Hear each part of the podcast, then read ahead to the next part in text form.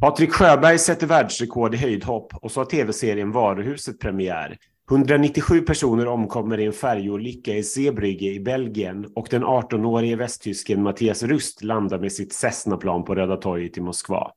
Spionen Stig Berling rymmer från fängelset.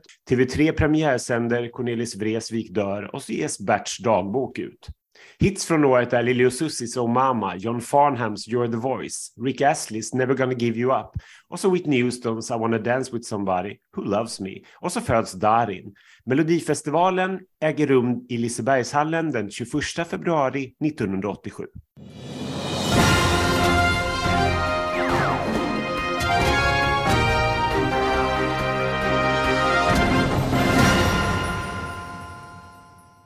Hej allihopa och välkomna till QX Schlagerprofilernas podd som handlar om ett år i Melodifestivalen. En podd som vi numera kallar Fel låt vann? Frågetecken. Och vi som gör det, det är jag som heter Ken Olausson och det är min kära kollega som heter Ronny Cindy Peters Larsson. Ronny Cindy Peters Larsson som idag ska grotta oss ner i Melodifestivalen 1987.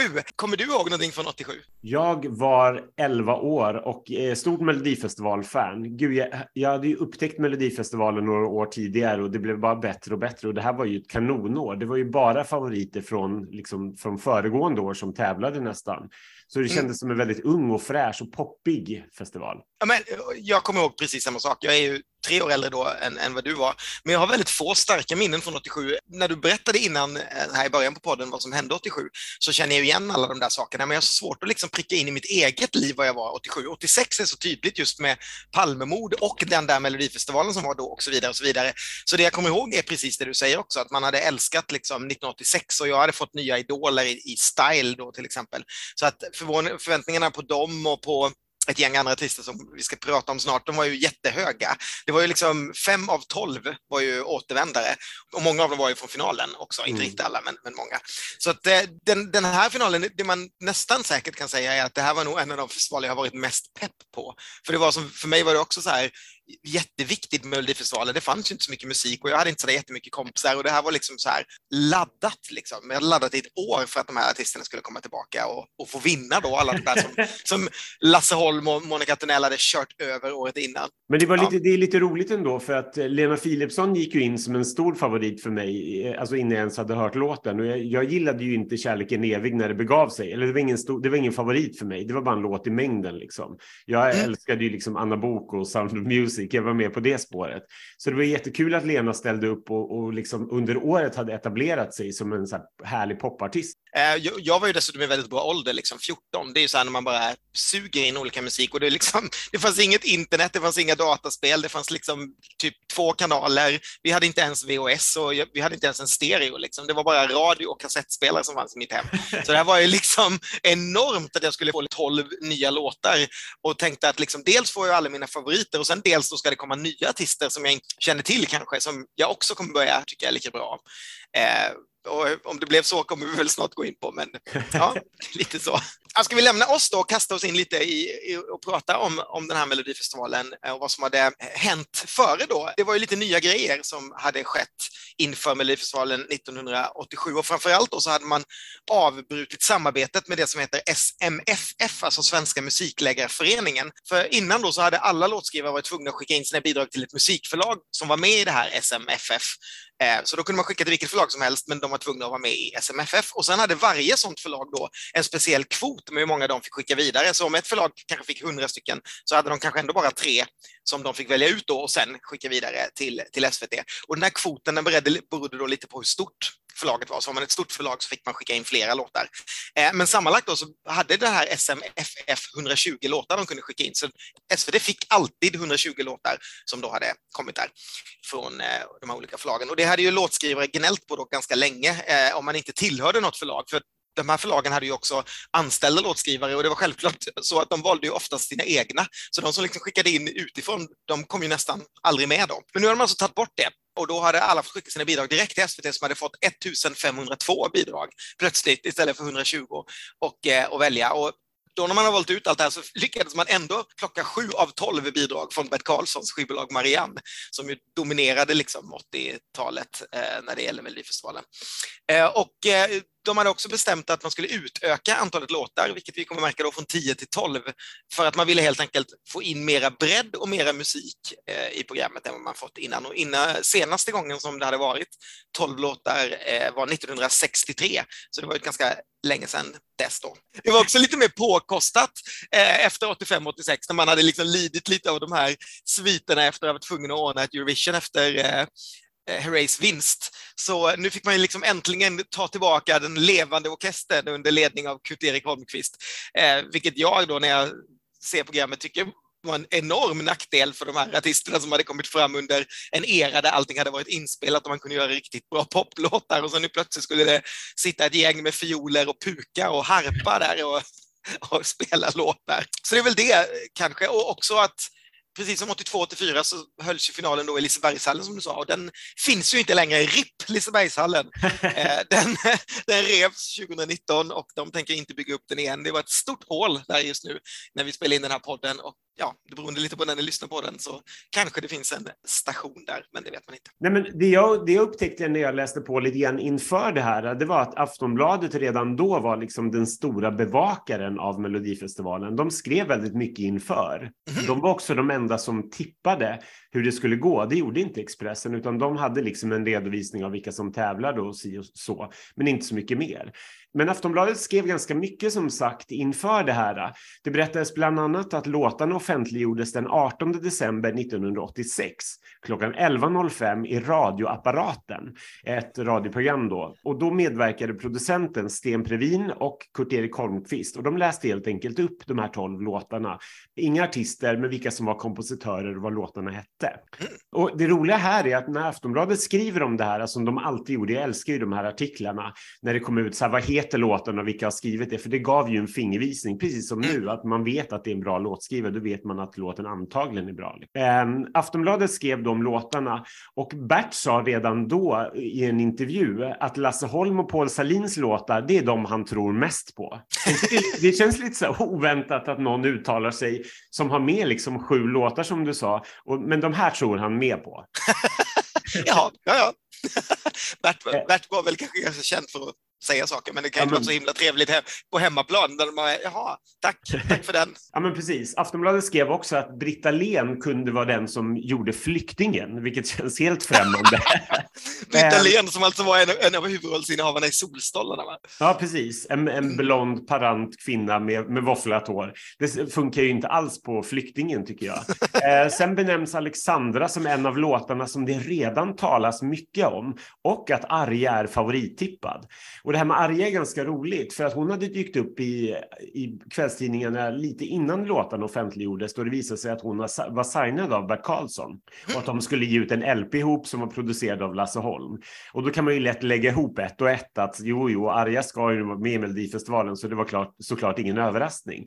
Men då kan jag också berätta att, Arja, att Bert berättar också glatt att Arja pressades till, till att signa för Marianne just för att hon ville nämligen ge ut Miljoner rosor som är ju en bekant Arja-låt, en översättning av en rysk låt. Eh, och Bert hade rättigheterna till den, så Bert pressade helt enkelt Arja att signa kontrakt och då fick hon ge ut Miljoner rosor. Hon var tvungen att vara med i Mello också. Ja, precis. Men det, det, tror jag inte Arja hade så mycket emot. Dessutom så läste jag faktiskt att Arja var tydligen tillfrågad av den finska eh, liksom, uttagningen att vara med, men då hade hon redan tackat ja till den svenska uttagningen. Mhm. Mm saker man lär sig längs vägen. Dessutom var ju Lili och Susie aktuella för Dansa i neon, men där hade ju SVT sagt nej. Och då försökte jag kolla upp lite mer fakta om det här och då såg jag att jag en intervju med Lili eh, där hon berättade att det, var, det hade med moralpanik att göra för eh, syrrorna hade då uppträtt något år tidigare i magtröjor och tajta kläder i något SVT-program och det hade blivit väldigt omdebatterat och orsakat uppståndelse. Så jag tror att SVT var inte så sugna på liksom, Lilius, syndiga Lilius Ussi. ja, ja, det fick de äta upp sen eftersom du berättade där i början att de fick ju en av årets största hits sen så småningom efter. Så det var väl, fick väl han slicka i sig där producenten. Jag kan väl dra lite grann också om vad, vad tidningarna skrev inför den här veckan då, eh, tävlingsveckan som ledde upp till lördagsfinalen. Då handlade mm. ju väldigt mycket om Anna Boks hals. Anna Bok var ju nämligen sjuk med 40 graders feber och hade ont i halsen. Så hon fick stå över repetitionerna på torsdagen och, och managern Gunnar Jonsson säger att det är högst 50 procents chans att Anna får uppträda. SVT krävde också ett, ett intyg på att Anna var liksom kapabel att uppträda. Delvis att hon kroppsligt skulle klara det, men också att hon rent medicinskt skulle kunna stå på scen och sjunga helt enkelt. I en intervju med låtskrivaren Jan Askelind, då får han frågan av Expressen om han har några ersättarnamn på gång. Och då replikerar han, nej men du kanske har något. Det ska vara en tjej som kan sjunga en ballad. inte det jätteroligt? Man bara, jaha, då söker han någon slags ersättare via kvällstidningarna. Um, jag försökte också kolla upp om det fanns någon som stod standby att genomföra Annas låt. Men det enda jag hittade var att körtjejerna då, som de här två som kommer presenteras lite senare i programmet, att de eventuellt skulle ha hoppat in. Men nu blev det ju så att Anna klarade ju av att sjunga den, i alla fall medicinskt får man väl säga. Eh, som hon stod på scenen när det väl begav sig. Mycket skrevs också om att Lotta Engberg var gravid och Expressen eh, drar på stora trumman och säger att hon, det finns risk att hon tvingas tacka nej till EM-finalen i Belgien om hon vinner. Ja, jag vet inte riktigt. Alltså hon skulle ju föda i början av april och finalen var ju i maj, så jag tror att Lotta hade hämtat sig. En annan kul grej var som jag kom att tänka på inför festivalen. Vi pratade ju om att det var många unga popnamn. Jag var ju också lite rädd för de här tanterna som skulle ställa upp. Nämnda Arja då och nämnda Cindy Peters som jag tyckte var liksom ja, men det var ju kärringar. och Lotta Engberg som jag uppfattade som också mycket äldre än hon var. Men vi kommer till det lite senare. Det är roligt också att Aftonbladet skriver om just det här. Två tanter gör slag i saken. De var liksom strax över 40 båda två. Eh, jag, jag vet, det är helt galet. Tiden, tiden förändras liksom. Avslutningsvis så kan jag väl säga då det som jag var inne på att Aftonbladet var de som var bäst på att täcka eh, Melodifestivalen på den här tiden. Och La Sandell tippade faktiskt alla sex som gick vidare till final. Han hade rätt på allihopa. Han tippade däremot att Lena skulle vinna alltihopa. Men jag tycker det är grymt imponerande av tolv låtar att sätta sex stycken. Däremot så måste jag säga aj, aj, aj Lasse när du stavar Cindy med C C-I-N-D-Y. Cindy stavas alltså C-Y-N-D-E-E. -E. Där fick han en teg. Gud vad mycket intressant. Och det, det, det är faktiskt lite kul det där, för Expressen var ju verkligen den största kvällstidningen, så det är kul att Aftonbladet verkade hittat sin nisch redan där. Liksom, verkligen, verkligen. Innan, när de slog i underläge och förstått att det här var liksom något som folk ville läsa antagligen. Det måste ju sålt som fasen. Vi var ju inte de enda människorna som satt där och fick all vår information bara från det här. Coolt! Ska mm. vi kasta oss in i, i själva programmet då kanske? Jättegärna. Ja, det är så härligt det här med gamla Melodifestivalen. De börjar nästan likadant, alltid. det är liksom någon sorts random intro där orkestern spelar. Liksom. Först ser man typ arenan utifrån, här ser vi någon liksom stillbild eh, över Lisebergshallen och sen rakt in och så visar man scenen och sen så är det alltid, det jag har alltid besatt av i de här poddarna, att det är en ny logga varje år. Jag tyckte det var så, det är liksom så mycket roligare än när det är eh, nya loggor och den ser vi här också då. Den är på väggen bakom Fredrik Belfrage och den är nere i hörnan och sådär. Och scenografin är ju bara en jäkla massa lampor som hänger på sladdar i taket, vilket känns ganska modernt just nu om jag får säga det själv. Det är bara så här sladdar och glödlampor och någon gammal krukväxt eh, och lite sådär. Men man bara kör på med orkestern och sen in med Belfrage då. Och Belfrage var ju en av eh, SVTs stora programledarprofiler på eh, 80-talet. Och det här var hans tredje melodifestival och den första faktiskt som samsändes med radio sedan 60-talet, vilket han påpekar vid något tillfälle. Sen så just det här med programledarstilar förr och nu, liksom. han kommer in och det första han säger är att publiken luktar så gott, vilket jag bara tycker känns otroligt awkward när man ser på det idag. Det är så här, man bara, mm, det är som att han har någon böjelse som han liksom vill, vill komma med. Det reagerade jag också på. Jag tyckte också att det lät jättemärkligt. Just repliken, säga vad man vill om slagermusik, men ingen publik luktar så gott. Jaha. ja, och sen, också, sen kommer det också en väldig tidsmarkör när han börjar rabbla regler och det här, att det är tolv bidrag första timmen och sen ska det bli aktuellt och sen har de då lekt en lek som eh, heter samma sak som en eh, Agatha Christie-roman hette förut innan man bytte namn på den också. Eh, tio små n-ord, mm. vilket ingen överhuvudtaget höjer ögonbrynen på, utan han bara, ja, sen har vi lekt tio små mm, och ja, eller tolv små. Mm.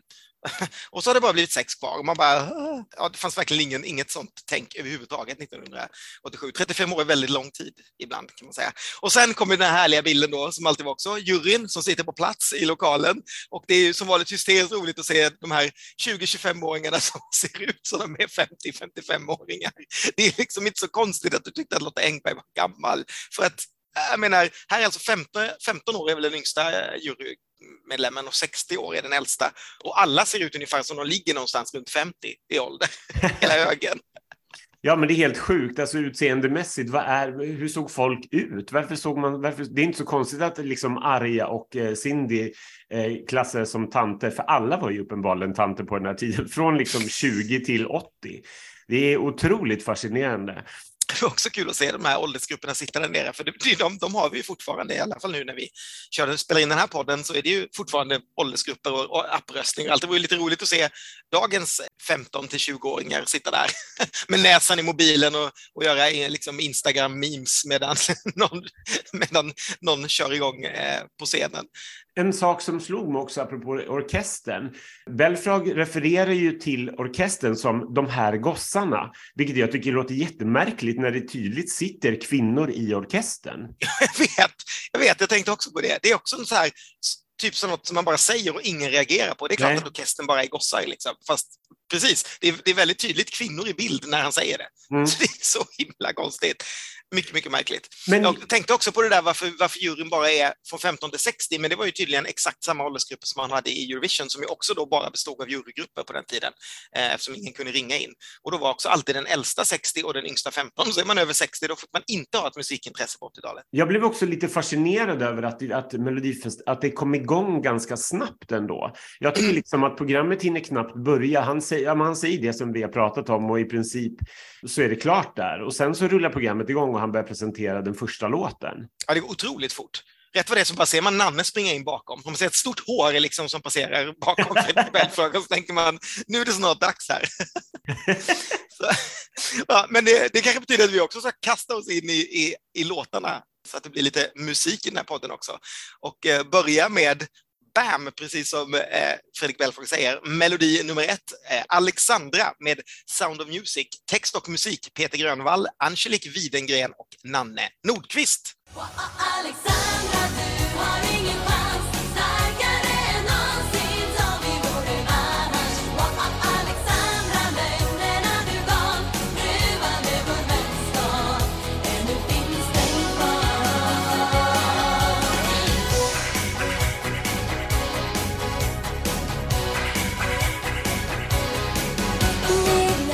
jag, jag, älskade det här så mycket. Jag tyckte det var så fantastiskt bra och just den här catchphrasen, hör du Nanne, kommer du ihåg det här? Det är ju liksom en melloklassiker av rang.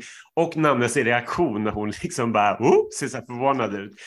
Eh, jag, tycker, jag älskar det här. Det här är liksom så här, det här är min barndom. Det här är liksom pop, svensk popmusik när det är som bäst under 80-talet.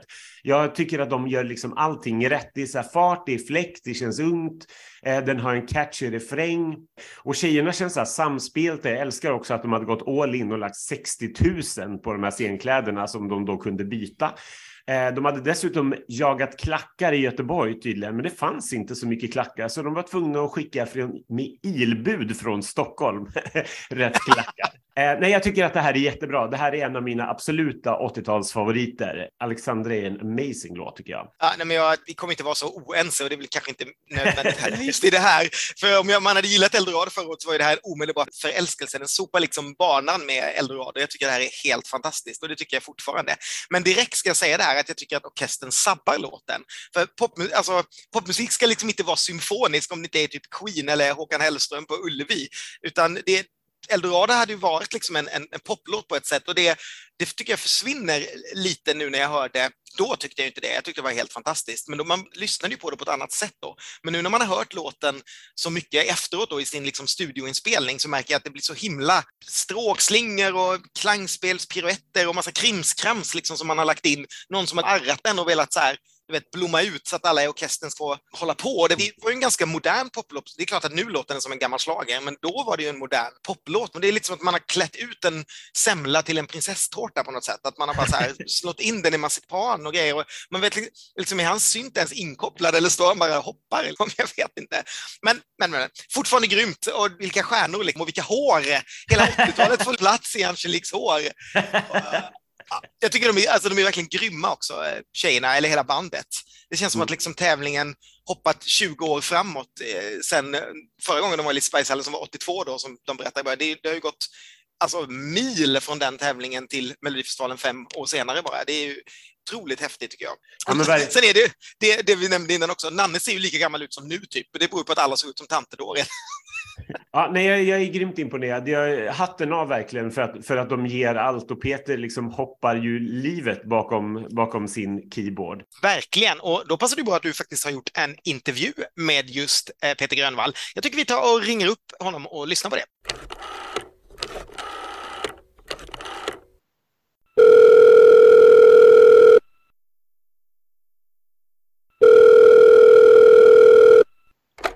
Tjena! Eh, och då vill man ju egentligen börja den här intervjun med att fråga, hörru Peter, kommer du ihåg den här?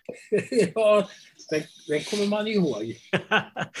hur, kom, hur kom Alexandra till? Jo, vi var ju med som sagt var 86.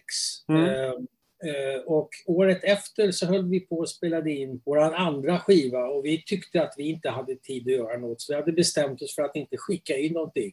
Okay. Men vi var, vi var i alla fall färdiga och det var söndag och det skulle vara inlämning på måndag morgon. Det skulle åka ner en skivbolagsrepresentant med en kassett. Det skulle vara inskickat ner till Göteborg.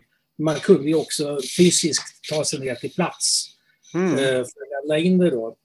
Och alla höll på i studion vi var ju klara, så Style höll på, Paul Rein höll på, det var fler som höll på att skicka in. Och, och så kände jag, fan har vi inte någonting vi kan... Ja, vi hade ju inget.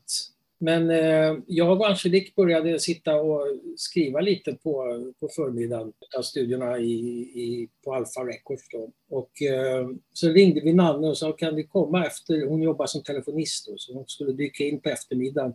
Och då hade vi fått ihop någonting. Vi höll ju på hela natten. Eh, och vi ringde musiker och gitarrist fick komma vid tolvtiden och han som skulle, man skulle skriva ut allting på not på den tiden också. Ja, just det. Vi var tvungna, det var inte bara skriva, det var inte bara lägga in kassett och papper där det stod vilka som har gjort det. Det skulle finnas en not på det. Så att eh, det kom en notskrivare halv sju på morgonen och började pränta ner detta. Och vi tryckte ut detta och allting kom iväg. Eh, jag vet fortfarande inte riktigt hur det där egentligen gick till. Att jag har tydliga minnen av att, att eh, vi var ju noga, noggranna för mycket av den bakgrunden blev ju det som också blev eh, origin, alltså originalinspelningen sen. Att det gick så fort, det var ju konstigt. 24 timmar innan fanns den här låten inte. Men, men, finns Alexandra på riktigt? Är det en person som det handlar om? Eller är det alltid... Vad jag vet. Jag har aldrig faktiskt frågat. Den passade väl lite bra då i och med att det är också två tjejer som sjöng. Det. Fanns det här, hör Nanne, kommer du ihåg det här med från början? Eller var det någonting som kom? Ja, nej, det var, med, eh, det var med från början eftersom jag vet inte hur, hur det exakt det kom till. Det var väldigt, det var, det var väldigt spontant. Plötsligt var det, hade hon sjungit in det där och vi sa fan det där är ju, borde ju vara med. Så fick det bli så. Mm. Vad, vad, ty, vad, tycker du? Eh, det är ju en modern poplåt och var, den var väldigt modern på, en, på den här tiden när den kom 87. Tycker du att den missgynnades i orkesterarrangemanget? För den låter ju lite annorlunda på skiva i studion. Ja, när vi åkte ner och gjorde den då så tyckte jag på det. Tyckte jag det. Nu när jag har hört på det efteråt och lyssnat på det hela så tror jag inte det gör så mycket till det var väl året innan också när vi hade haft möjligheten att, använda en, originalinspelning som bakgrund eftersom eh, hela den festivalen var ju uttänkt på det sättet. Mm. Eh, så fick vi liksom ta ett steg tillbaka då lite grann kändes det som just då. Men det, inte, inte eh, tror jag vi missgynnade så mycket. Däremot gynnades ju då då, alltså det, vi var ju ganska nya på det här. Men de här gamla som Lasse Holm och killarna som vet hur man gör det här. Och, hon kan ju liksom få det där att låta rätt. Eh, och vi försökte väl bara få det att låta så likt originalet som möjligt. Det kanske... Men jag tyckte ändå att det stämmer när man lyssnar på det. Jag är inte alls missnöjd på något sätt. Mm. Men det, det skrevs ju en hel del om att både Nanna och Angelique hade ju väldigt dyra kläder och att de bytte kläder här när de gick vidare till andra omgången. Ja, just det. Jag vet inte hur dyra de var, men vi var i fall oroliga när vi kom ner eftersom de hade försvunnit och var uppe, fanns uppe i Kiruna tydligen. Man hade hamnat på avvägar och då tyckte vi väl att eh, det var väl en jättewaste. Jag läste någonstans att de kostade 60 000. Det var väl ganska mycket ändå på den tiden? Ja, undrar om det kan ha varit så att de hade i fall ja, kostat på sig för att det skulle vara lite kul. Va? Ja, ja. Men så ni hade helt enkelt inga tankar på att skicka in året efter, trots att det gick bra året innan? Nej, faktiskt inte. Och det var ju för att vi inte egentligen eh, hade någon låt som vi tyckte passade. Mm. Uh, utav de nya låtarna som vi höll på med, det var ju ingenting som var tre minuter eller ens i närheten av, att, av det vi hade just då. Skickade ni in någonting 88 också? Det gjorde vi faktiskt. Ja, det var, vi skickade in en ballad den gången som vi tycker fortfarande är jättefin. Som vi aldrig har gett ut efteråt, men det, det kommer väl bli någon gång. Men, men, eh, men då blev det ingenting. Eh, vad trodde du på Alexandra? Tänkte du att sen när den kom med, det här den har en vinnarchans? Ja, det tyckte vi. Vi var väl ganska säkra på att den skulle kunna vara med och fightas i alla fall. Mm. Men eh, det var ju lite svårt eh, innan man så att säga, var på plats. Vi hade ju hört en del låtar innan eh, när vi fick höra talas om den här Fyra bugg om Coca-Cola och fick höra den via telefon. Då satt vi och garvade. Men det gjorde vi inte när vi kom ner och orkestern körde. Och, fan, och hon var ju bra Lotta också. Det var liksom det, man känner ju, det är ju så när man är på plats och det blir en helt annan grej. Låtarna en få en helt annan eh, funktion där de mm. får framföra sådär. Så att vi kände väl någonstans att det här är ju svårt och Lenas låt var ju bra och Arjas låt var ju bra. Och det, var, och det blev ju någonstans eh, ungefär så det slutade också. Det var ju på den tiden elva grupper då, åldersgrupper då, uppdelat. Ja, precis. Och det var de tre äldsta grupperna, hade inte de varit med så hade vi vunnit. Eh, så att någonstans där så gick väl gränsen. Ja men precis, för det var ju ett väldigt jämnt och spännande år när man tittar tillbaka. De, de, låtarna hamnade ju ganska nära varandra liksom. Ja det gjorde de och det var kul. Det var väldigt, det var väldigt mycket olika låtar. Det var, så det var ett, det var ett kul år. Mm. Ni, var ju ganska, ni var ju ganska unga på den här tiden och de som, eh, de som det gick bättre för var ju lite äldre, bortsett från Lotta då, men hon kanske uppfattades som lite äldre i alla fall. Men både Arja och Cindy hamnade ju före er. Hur upplevde ni det? Var ni liksom, tyckte ni att det var gammalt och mossigt eller tyckte ni att det var kul? Nej, det gjorde vi inte. Vi tyckte alltså Cindys då tyckte vi var så jävla fin. Och vi, när vi trodde inte att, att det kanske skulle bli så många, jag trodde inte att det var det här som kanske skulle gå hem. Men det gjorde det ju och det var ju roligt på så sätt att för det var ju en väldigt fin låt. Liksom. Det var, mm. att, det, att det lönade sig. Vi tyckte ju väl året innan, då kom vi fyra också, så var det ju samma sak där. Då hade vi inte en låt som vi tyckte var en, en vinnarlåt, men vi tyckte att den skulle vara med där i alla fall. Mm. Uh, och vi tyckte väl mer att den här var en... Vi var ju ganska säkra på att den skulle gå vidare till de sex sista. Uh, det var ju därför tjejerna gjorde klädbytet där också. Då, att.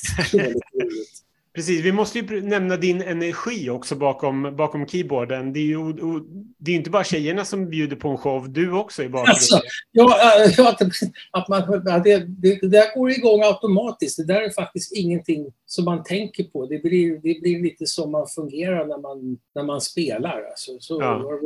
Det gjorde vi med gamla med banden som vi haft innan. Ser ut sådär. Det är inget inövat utan det bara blir som det blir. Ja, Okej. Okay. Vad har du för förhållande till Alexandra idag? Alltså vi gillar den fortfarande. Vi spelar den. Vi har, eh, vi har alltid eh, med den i repertoaren fortfarande. Mm. Jag tycker att den, har en, den bär en del av vår historia och den, det är en låt som fortfarande funkar än idag. Alltså den är ganska tidlös. Den, är inte, den funkar lika bra idag som då. Uh, Sound of Music finns ju inte längre, men det gör ju One More Time som har rönt framgångar i Melodifestivalen. Det har gått rykten om att One More Time kanske skulle kunna ställa upp i Melodifestivalen igen. Vad säger ja, du om det? Ja, vi har försökt. Vi, vi var väl hyfsat nära den här gången, men den här gången så blev det inte. Men vi håller ju på att jobba med, vi håller på att spela in nytt material uh, för fulla muggar. Så att, uh, ja, vad kul! Bara för att det inte blev i år så får vi inte, vi, vi, vi ger oss inte Jag kan väl också bara nämna lite snabbt att 87 var det första året man använde backtracks. Eh, man fick använda... Just det. En del, en del låtar hade då lite förinspelade rytmer och samplingar och sånt som låg tape. Och, hade ni det? Nej, det hade vi inte. Mm. Det, det vågade vi faktiskt inte. Och faktum är att under repetitionerna så var det det här klassiska nakna pistolen-tricket. Någon går över en sladd och drar ur den bakom och hela synk, synken försvann till orkestern. Och då var det ett nytt bud att inga backtracks skulle få användas och då var det ett jädra liv. Så att de satte tillbaka det till sist. Ja, alltid är det någonting. Okej. Okay. Du, tack än en gång och eh, ja, men superkul att höra om allt det här och ha en fin, fortsatt fin helg. Du, tack ska du ha. Eh, jag tyckte det här är en toppeninledning på Melodifestivalen verkligen. Ett perfekt start nummer ett skulle jag säga. Ja, verkligen. Ja, vi lämnar väl den. Vi kommer ju tillbaka så småningom till den. Så eh, vi hoppar väl in på melodi nummer två, Nya illusioner med Annika Jonsson, skriven av Christer Lund och Mikael Wendt.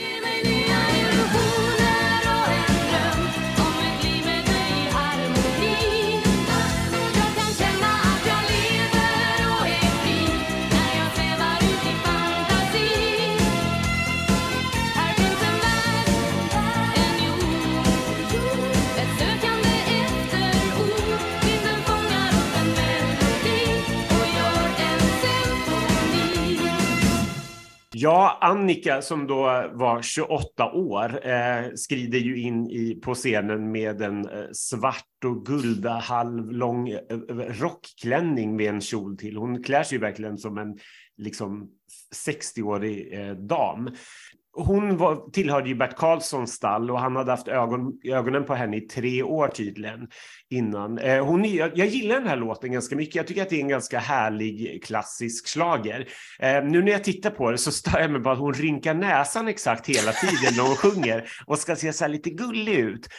Eh, en rolig grej är också att hon beskrev sig i en av kvällstidningarna inför det här som en kombination av Nina Hagen och Göringeflickorna. ja. Jaha. Nej, men jag gillar den här låten. Däremot så upptäckte jag faktiskt att hon sjunger ju fel här.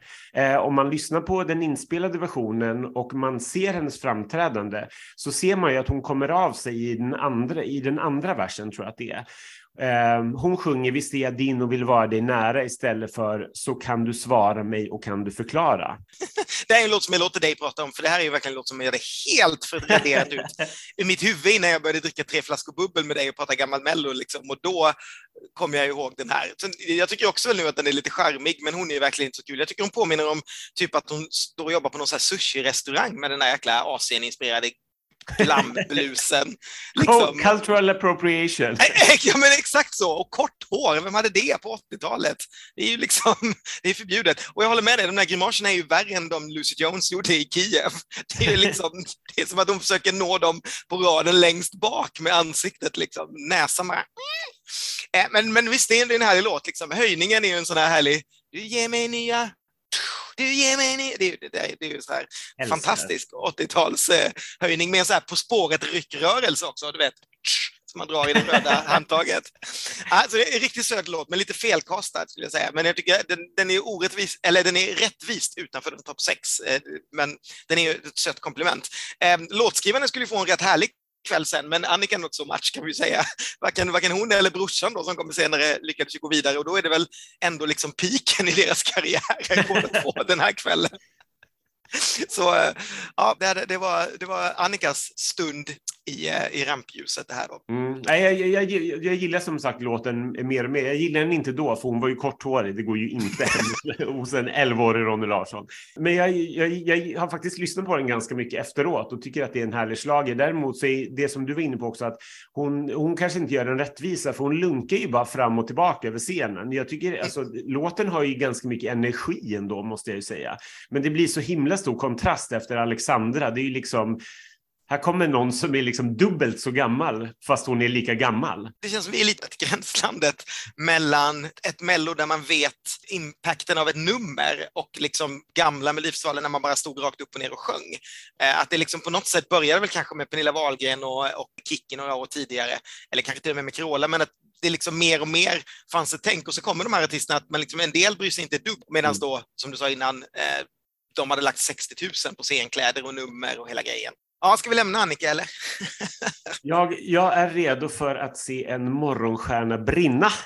Precis, för melodi nummer tre heter När morgonstjärnan brinner. Den framförs av Cindy Peters och den är skriven av Ingela Pling Forsman, Bobby Ljunggren och Håkan Almqvist.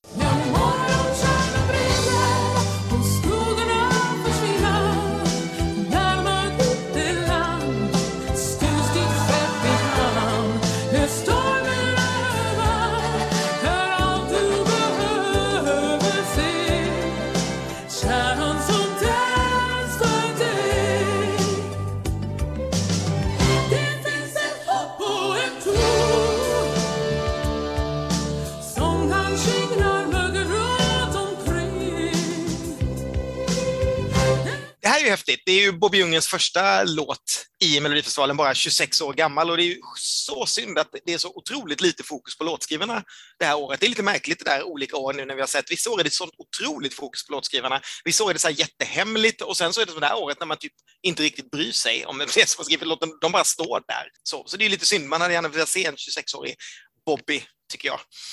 Ska jag börja snacka lite om, om Cindy då? Och då kan vi väl säga att det här var ju inte alls min favorit när jag var 14 det var, liksom, hon, det var en stor tant och hon var över 40, hon var jämnårig med min pappa. Liksom. Och så sjöng hon gospel, det var ju verkligen en musik som jag inte gillade överhuvudtaget. Jag var, jag var, jag var verkligen arg på det här. Det var, liksom, det var min värsta låt det här året. Jag var helt, jag var helt så här amazed att hon gick vidare och att det gick så bra. Alltså, det här var inte Mello, min bok, gospel. Nej, det, usch vad jag tyckte det här var dåligt. Det skulle ju vara pop liksom. Jag kunde, ja, nej, orimligt. Och det här är ju totalt omvärderat sen. Alltså när jag ser det här nu och man liksom lyssnar på henne, den här rösten, hur hon liksom blåser taket av, av hallen och att också se henne, liksom, hon ser inte ut som någon brukar göra i, i Melodifestivalen. Jag menar, hur många färger hade vi ens haft som var solo? Liksom? Mm. Jag menar, Gigi Hamilton och Sven och Lotta, Lotta och sådär, men det var ju liksom en del av av duo och grupper och sådär, men, men solartister, jag kom inte på någon. Nu ska jag inte killgissa och säga att hon var först, men jag, jag kunde inte komma på någon på rak arm. Eh, och låten, som tycker jag är briljant med mina vuxna öron idag då.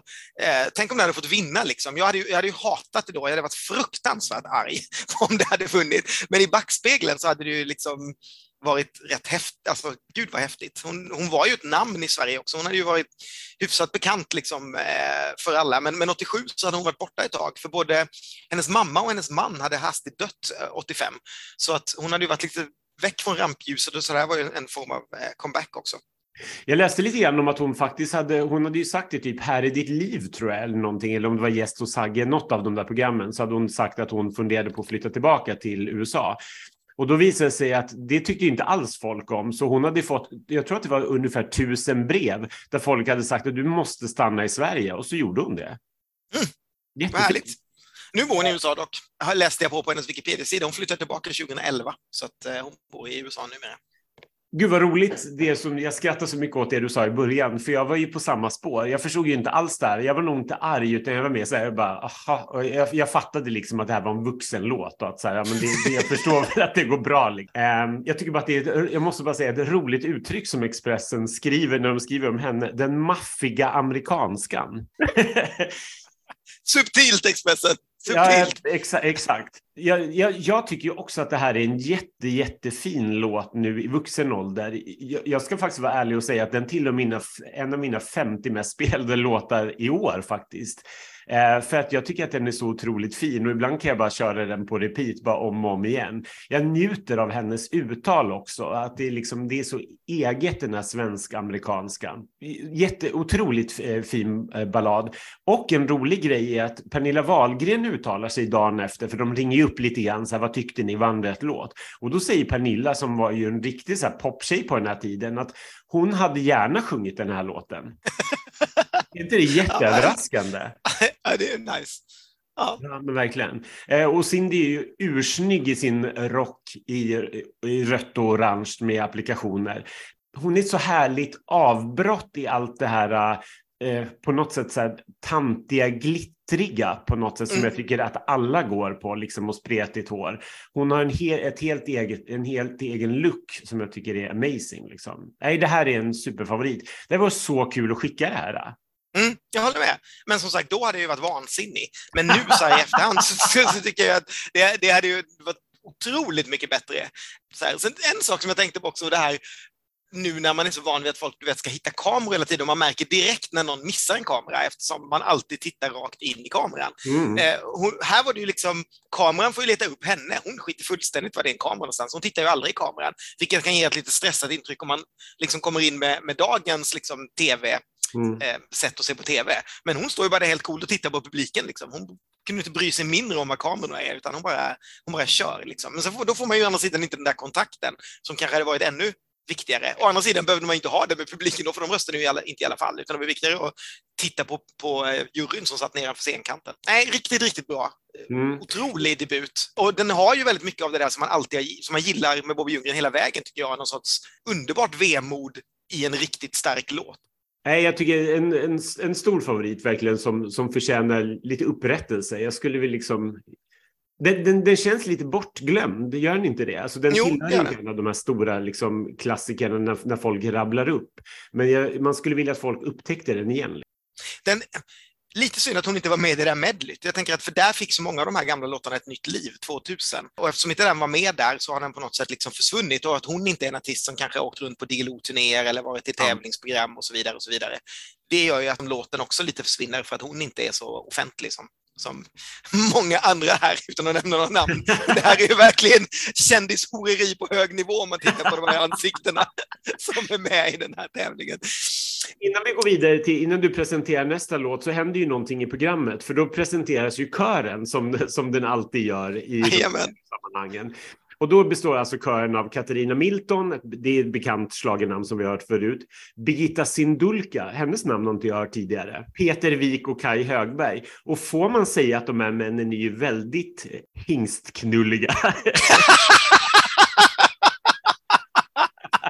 Jag tänkte säga, du får säga precis vad du vill, men jag hade ändå inte räknat med att få den. Nej, jag bara, det här är ju, jag bara slogs av liksom att så här, gud vad många eh, kvinnor och bögar borde, skulle ha suttit framför eh, tv-apparaten och bara, gud vilka snygga män. Alltså så här, du vet med lite så här uppknäppt skjorta och lite så här urtypen för en snygg man, 87 tänker jag. Man hade behövt två bloggande Fille längst fram som hade gjort ett specialreportage om de där männen på gymmet. Men nå någonting som vi aldrig då reagerade över när vi, var, när vi var små och tittade på det här. Men vi var väl för upprörda över Cindy Peters. Ja, det hade inte en chans. Var det inte Diana Nunes så bara ignorerade jag kören. ja, nej men Ja. Vi, vi, ta oss vidare. Ja, jag ska ta oss vidare och då hamnar vi på melodi nummer fyra. Ung och evig med Paul Salin och Ann Kihlström och text och musik Alf Brink och Paul Salin. Kärleken är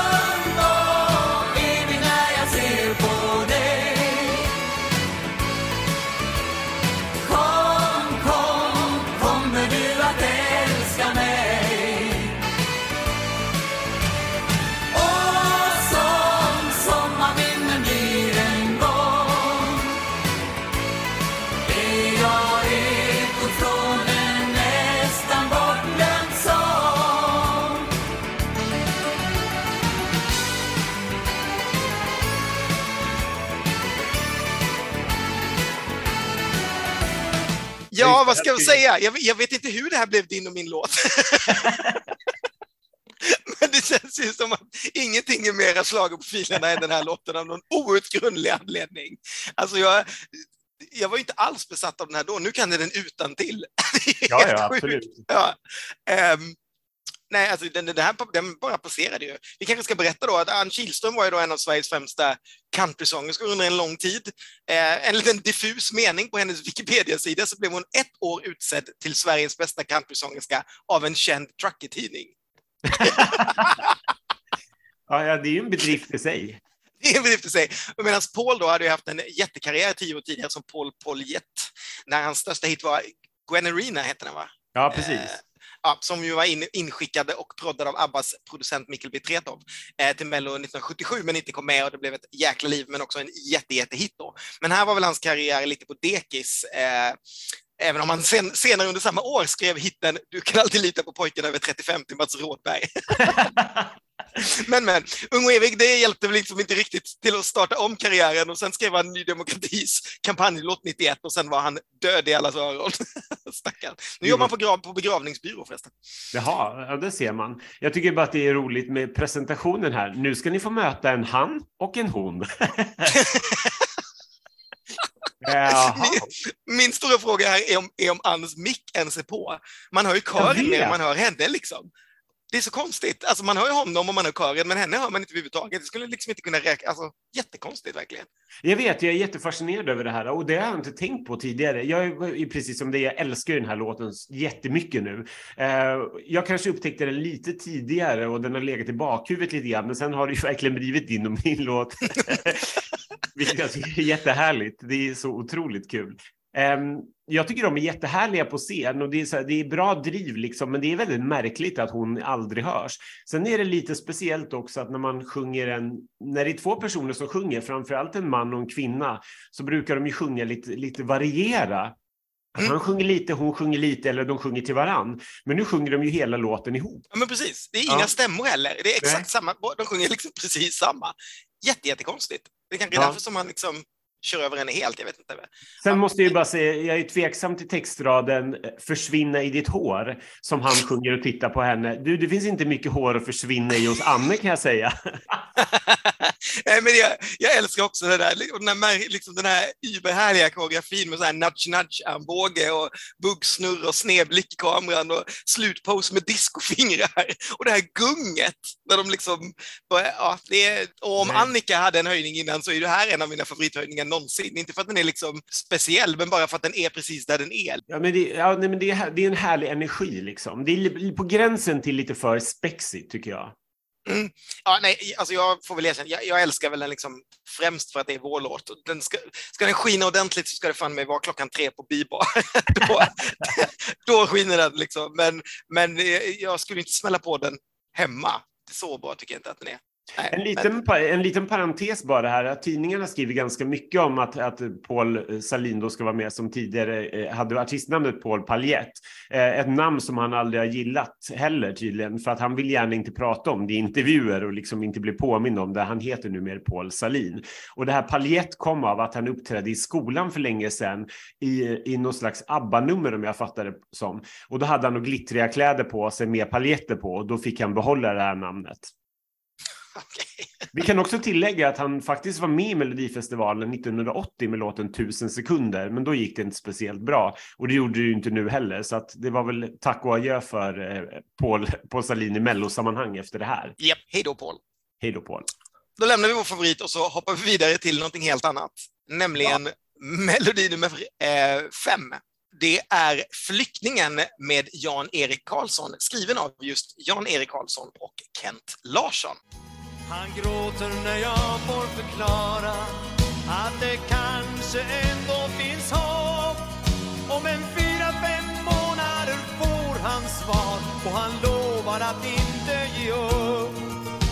Det är drömmar han har att få leva ett liv utan fruktan och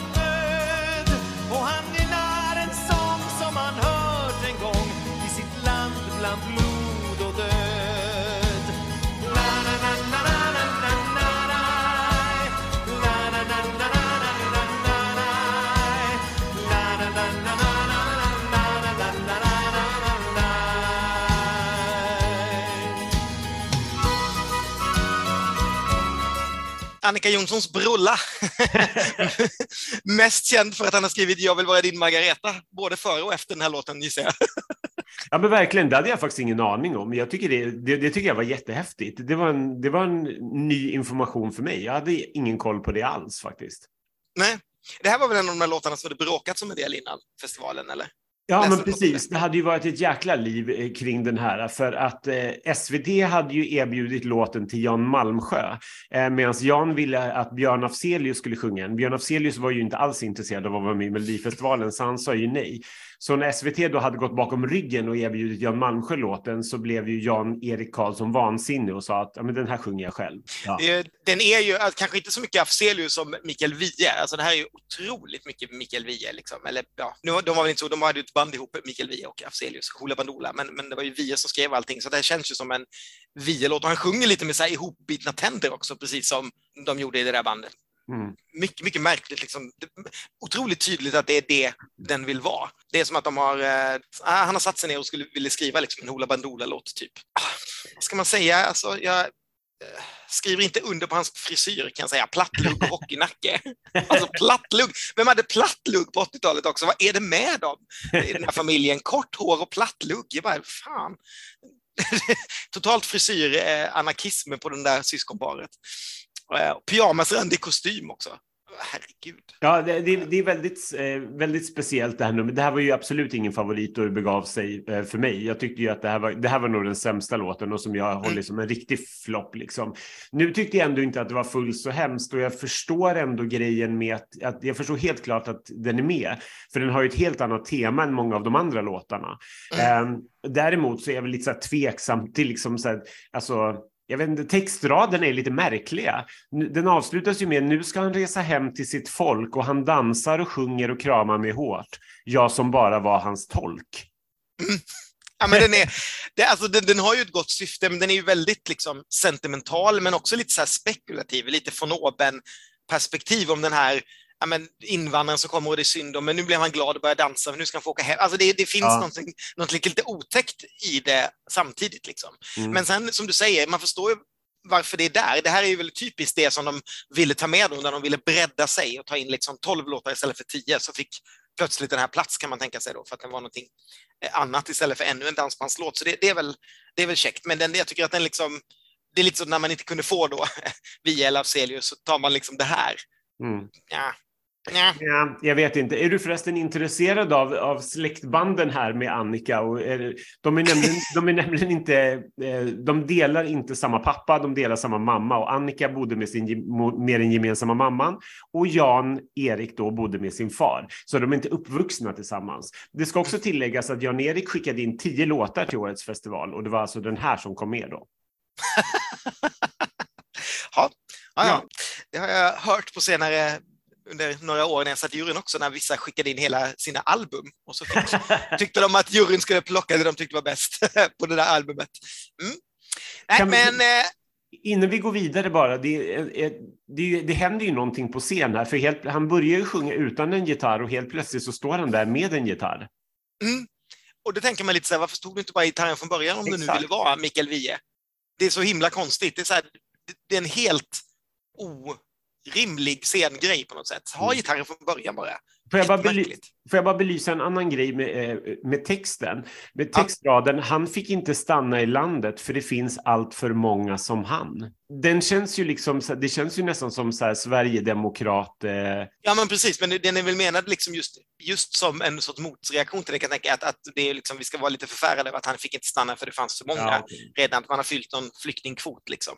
Så det är väl, det är väl den. Eh, Ja. Och det är också väldigt tydligt att den, den flyktinggrupp som väl var, eller hade varit ganska stor var ju från Sydamerika, för det, låten är ju väldigt liksom, inspirerad av liksom, sydamerikansk eh, musik. Ha, ska vi lämna någonting då som är vitare än, och gå vidare till något som är vitare än vitt istället? Ja, men. Nämligen melodi nummer sex, Leva livet med Baden-Baden, text och musik Margareta Karlsson och Anders Nylander. Idag så börjar vi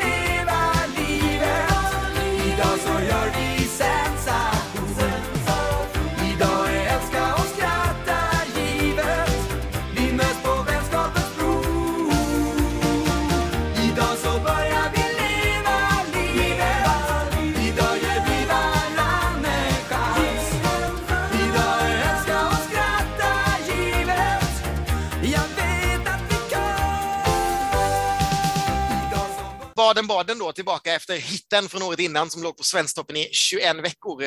Eh, jag har en dröm, men det här är ju inte riktigt en ny Jag har en dröm, skulle jag säga. Eh, den, dessutom fick väl Jag har en dröm lite skjuts av just Palmemordet som den kom. Att det, var, det fanns ju mycket sentimentalitet, sentimentalitet i Sverige och sådär. Ja, alltså förlåt, men det här, det här bandet, de lyser av någon form av storhetsvansinne tycker jag när man tittar på dem. Gör de inte det? De är övertaggade. Det är som de har gått liksom dansband och sen fått otroligt mycket luft bara för att de har haft liksom en jättehit på Svensktoppen ja. och tycker nu att de är liksom rockidoler. Alltså sångaren har ju liksom, man bara, du, har, du sjunger en dansbandslåt lilla vän. Det är liksom, han tycker att han är så cool och han har liksom energi för någonting helt annat. Och så har han så här Cher-röst också. Jag vet, när han sjunger nu, nu, nu lyser solen igen. Igen! Sen reagerade jag också på att de har, de, de har tre basister. Kunde inte killarna ha gjort upp lite grann om att så här, ja, men sen ska vi sätta ihop ett band så kan vi i alla fall spela olika instrument.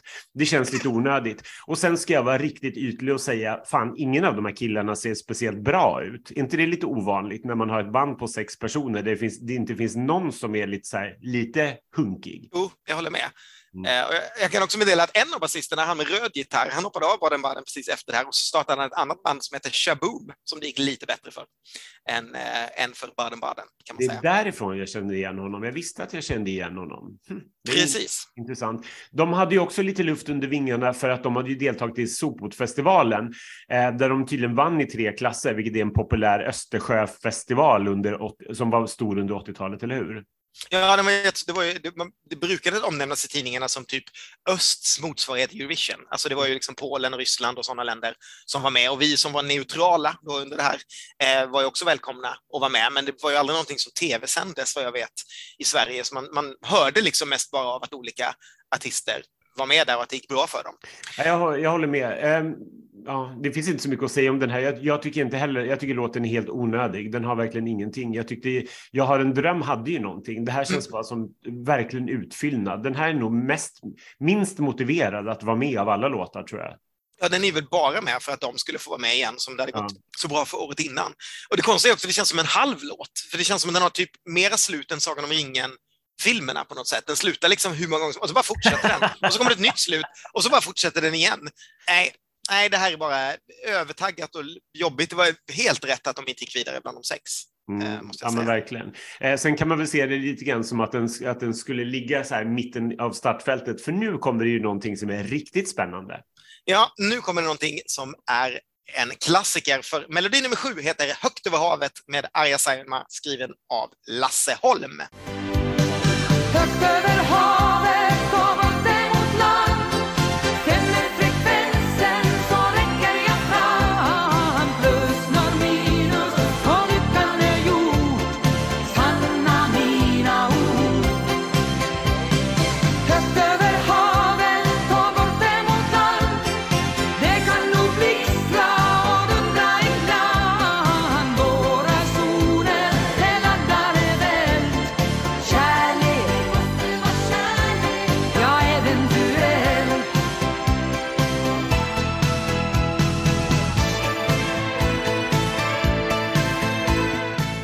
Alltså, jag vet inte var jag, var jag ska börja. Det, det, är så häftigt att se på något sätt. Alltså en låt som jag tyckte var så, ah, men det var ju en tant som sjöng, den var väl okej, okay, men det var ingenting jag lyssnade på.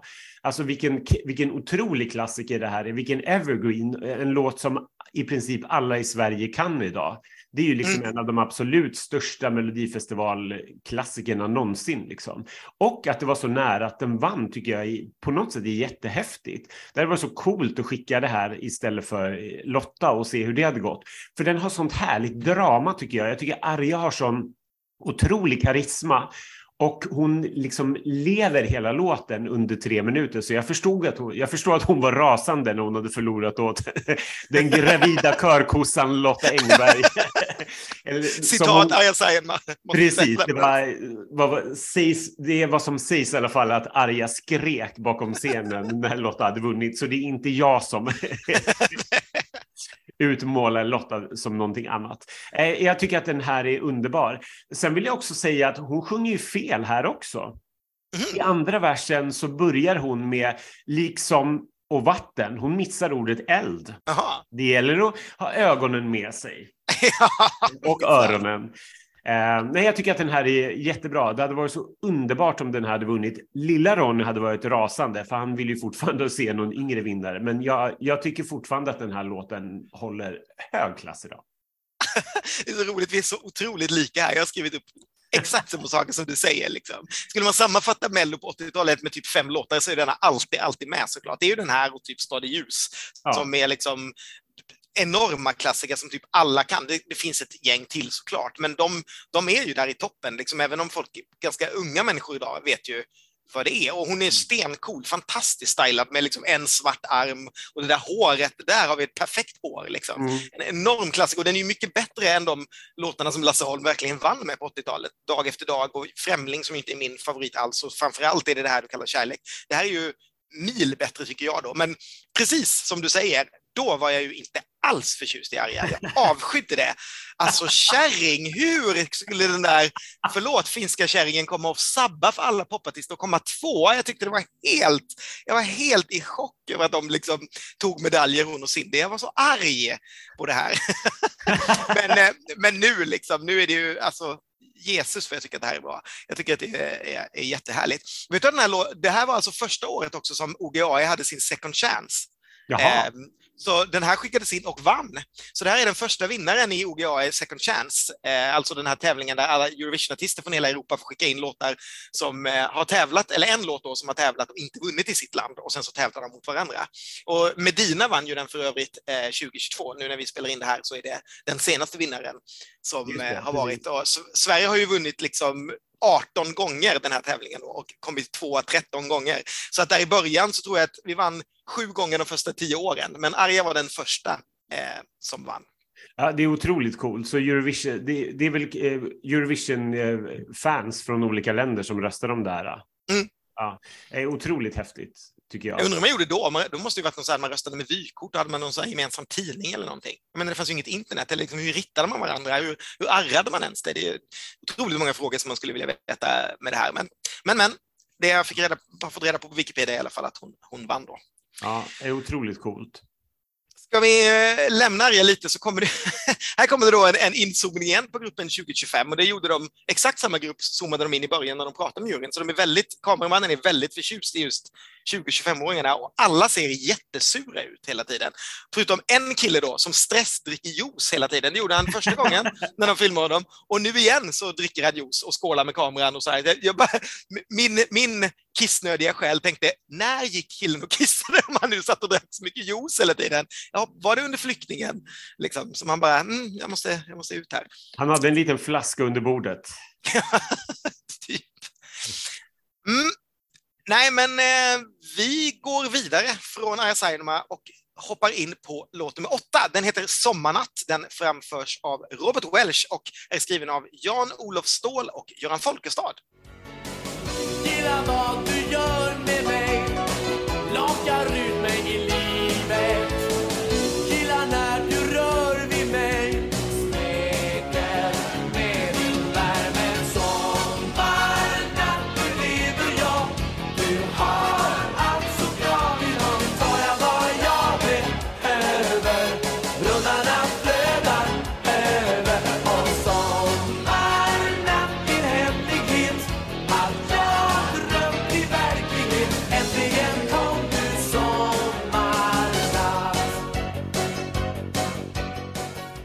Rob, den 23-årige Robert Wells då, eh, som framför den här låten i svarta skinnbrallor är ju något övertaggad när han helt plötsligt i låten skriker solo och så spelar han ett solo.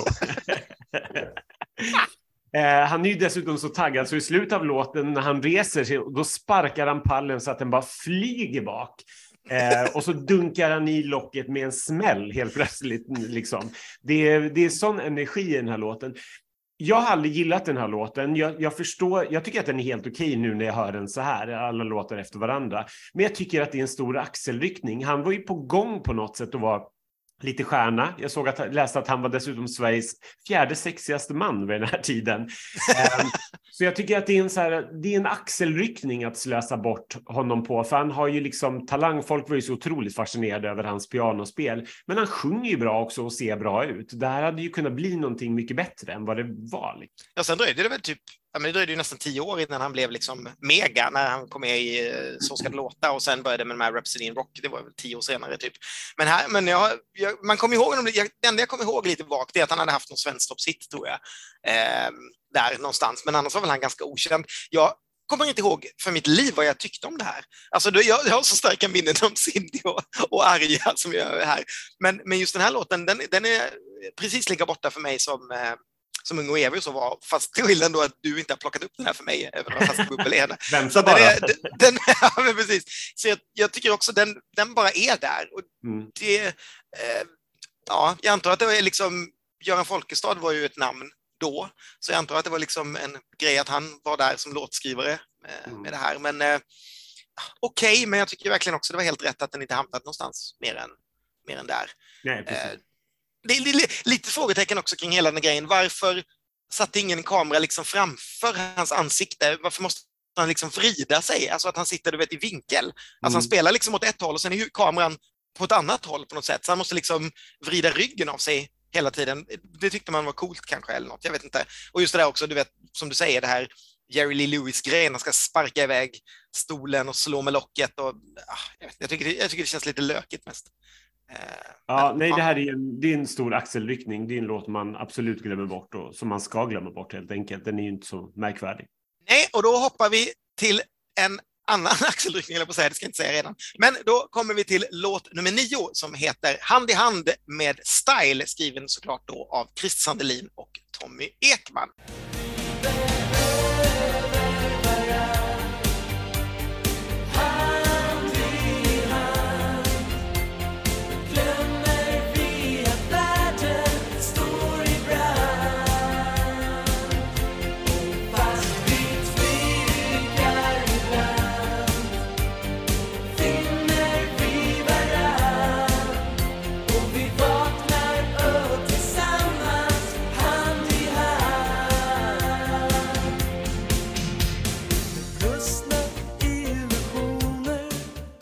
Och det här var ju låten som jag hade väntat på då. Jag älskade ju Style. De, de var både före, eller de hade blivit då efter Dover Calais, redan med, med freestyle innan, och sen efteråt, även den här, jag, jag ignorerade alltid den här, kan jag berätta, men, men annars så var ju Style ett liksom enormt stor idol till mig.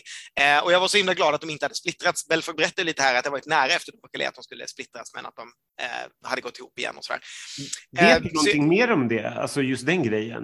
Eh, Nej. Jag blev så otroligt fascinerad över det här att han verkligen påminde om att så här, vad, då undrar man ju som tittare, så här, vad har hänt sen sist? Då det gick Mm. så bra, liksom. varför skulle de helt plötsligt splittras från ett år till ett annat? Ja, nej, jag, jag vet inte heller, för det hade ju gått ganska bra. Alltså, jag hade ju spelat sönder min Heaven Number 7-kassett som jag hade då med deras album på. Jag älskar den, jag tror jag kan varenda låt idag med. Om någon skulle sätta på liksom, så skulle jag kunna sjunga med i alla de låtarna. Och Question of Time som, eh, som kom, det var den första CD jag köpte, en annan skiva som de släppte sen. Jag var enorm fan eh, Mm. till de här. Många ensamma timmar med style på mitt eh, pojkrum kan jag säga. Fortfarande glad när jag hörde de där låtarna. Men sen vet alltså, nu är det ju lite svårt, man vet ju att Christer Sandlin är ett galet högerspöke idag, då, men då, då var de liksom hjältar och då trots den här låten vill jag säga, för Jesus vad jag var besviken på den här låten. Alltså Ja. nu kan jag tycka att den är okej. Det är en okej låt, men den är inte nära de bästa här. Och precis som Alexandra så är den helt söndermosad av liveorkestern. Mm, Och, men, och de med popstjärnor, snygga hår, allting, allting är ju bra utom låten. Jag tycker bara att den är meh. Och plus Mm. att han fnissar mitt i låten och det gör man inte. Det gör man inte, man ska framföra den precis som på skivan när man, när man för Ken 14 år. Det ska inte fnissas eller säga saker i låtar, det ska vara som på skiva. Ja, nej, jag, jag, jag håller med dig. Eh, jag tyckte, jag tyckte att det, jag var jättebesviken på den här. Jag gillade ju också Dover Calais jättemycket. Jag var inte jättefan av gruppen som, som sån. Liksom. Men jag tyckte att det här var en så här, varför är de med med den här tråkiga låten? Jag tyckte att den var jättetråkig. Jag tycker att den är verkligen helt okej idag. Eh, jag kan också berätta om låten att eh, gruppen berättade att den kom till eh, under sommarturnén eh, sommaren innan och att versen den skrevs i Kalix och refrängen skrevs i Mjölby. Och Christer Sandelin är fem kilo lättare än året innan. Eh, Men Ja. det, känns som att det ligger någonting i luften här. Jag, Mm. när, eh, när han sa det här med att gruppen eh, var var på väg att splittras så tänkte jag på det under hela framträdandet. Och det, jag tyck, det finns inget samspel mellan, mellan de här tre eh, artisterna. Eh, alla ser ut som de sjunger sig liksom sin egen del i allting. De tittar inte på varandra. De tackar framförallt inte publiken ihop, utan Tom går ut långt tidigare än de andra. Så det känns som att det, liksom, det ligger lite osämja i luften redan, alltså fortfarande. Mm. Nej, jag tycker också det är konstigt, men jag, jag, ja, då, då, är det ju också väldigt konstigt att de höll ihop så pass länge efteråt. Ja. Det hade ju varit liksom naturligt att de hade verkligen splittrats efter det här eftersom dessa, jag menar, ja, de gick till final, men en sjätteplats kan jag redan väl hinta om, det var ju en flopp såklart. Efter ja. liksom då, de, skulle, de var ju med för att vinna eh, eftersom de hade haft den absolut största hitten eh, mm. året innan. Men eh, ja, Ja, den är spännande där, det skulle man egentligen vilja veta lite om. Men, men det är inte så att man kanske ringer upp Christer Sandelin idag och frågar. Men då lämnar vi en eh, av våra favoritartister och hoppar vidare till en annan kan man väl säga. För låt nummer 10 heter Dansa i neon och framförs av Lena Philipsson, skriven av P.O. Thyrén, Ola Håkansson och Tim Norell.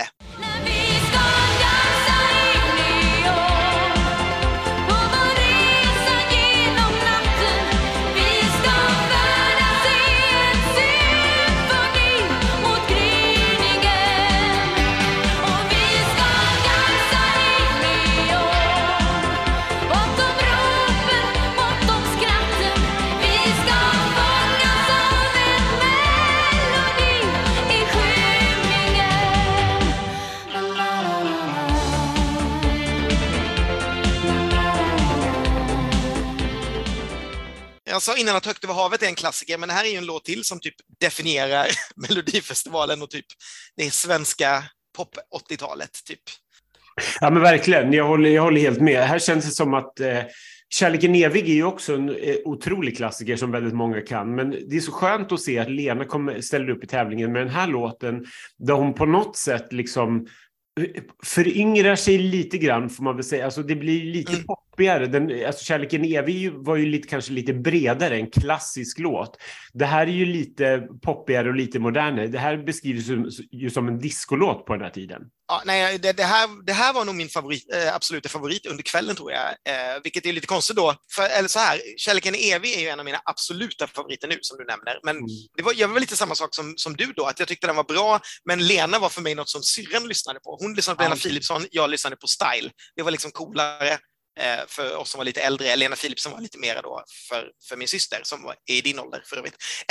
men men eh, eh, därför hade jag liksom inga större förväntningar, men att jag kanske liksom var nyfiken. Det var klart att hon var liksom en av namnen jag ville se. Men jag trodde nog inte jag skulle bli så såld som jag blev, för jag älskade den säger Neon. Och Tim Norell var ju verkligen alltid ett låtskrivargeni, alltså, eller var, han, han är inte död, men, men han, han skriver ju inte så mycket nu eh, mera. Men jävlar vad mycket bra låtar som Tim Norell har eh, skrivit och eh, främst då med Ola Håkansson och senare med Bard, men på den tiden då med, med P.O. Thyrén.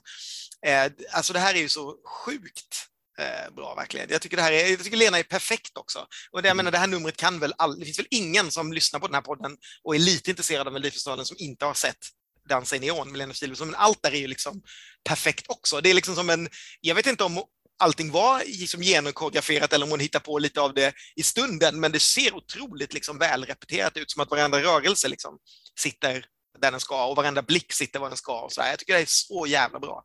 Nej, jag tycker också det. Det är, det är verkligen en, en, klassiker. Det var ju mycket diskussioner här innan eh, att hon hade förbjudits att ha på sig en kjol av Bert Karlsson. För han tyckte att det blev lite, lite för mycket. Jag tyckte att det hade varit ursnyggt med en kjol istället för de här skidbyxorna. Men det spelar inte så stor roll. Det är en, det är en parentes liksom. Men eh, en fråga är ju, hade Lili Susi gjort den här bättre? Så jag tror inte det.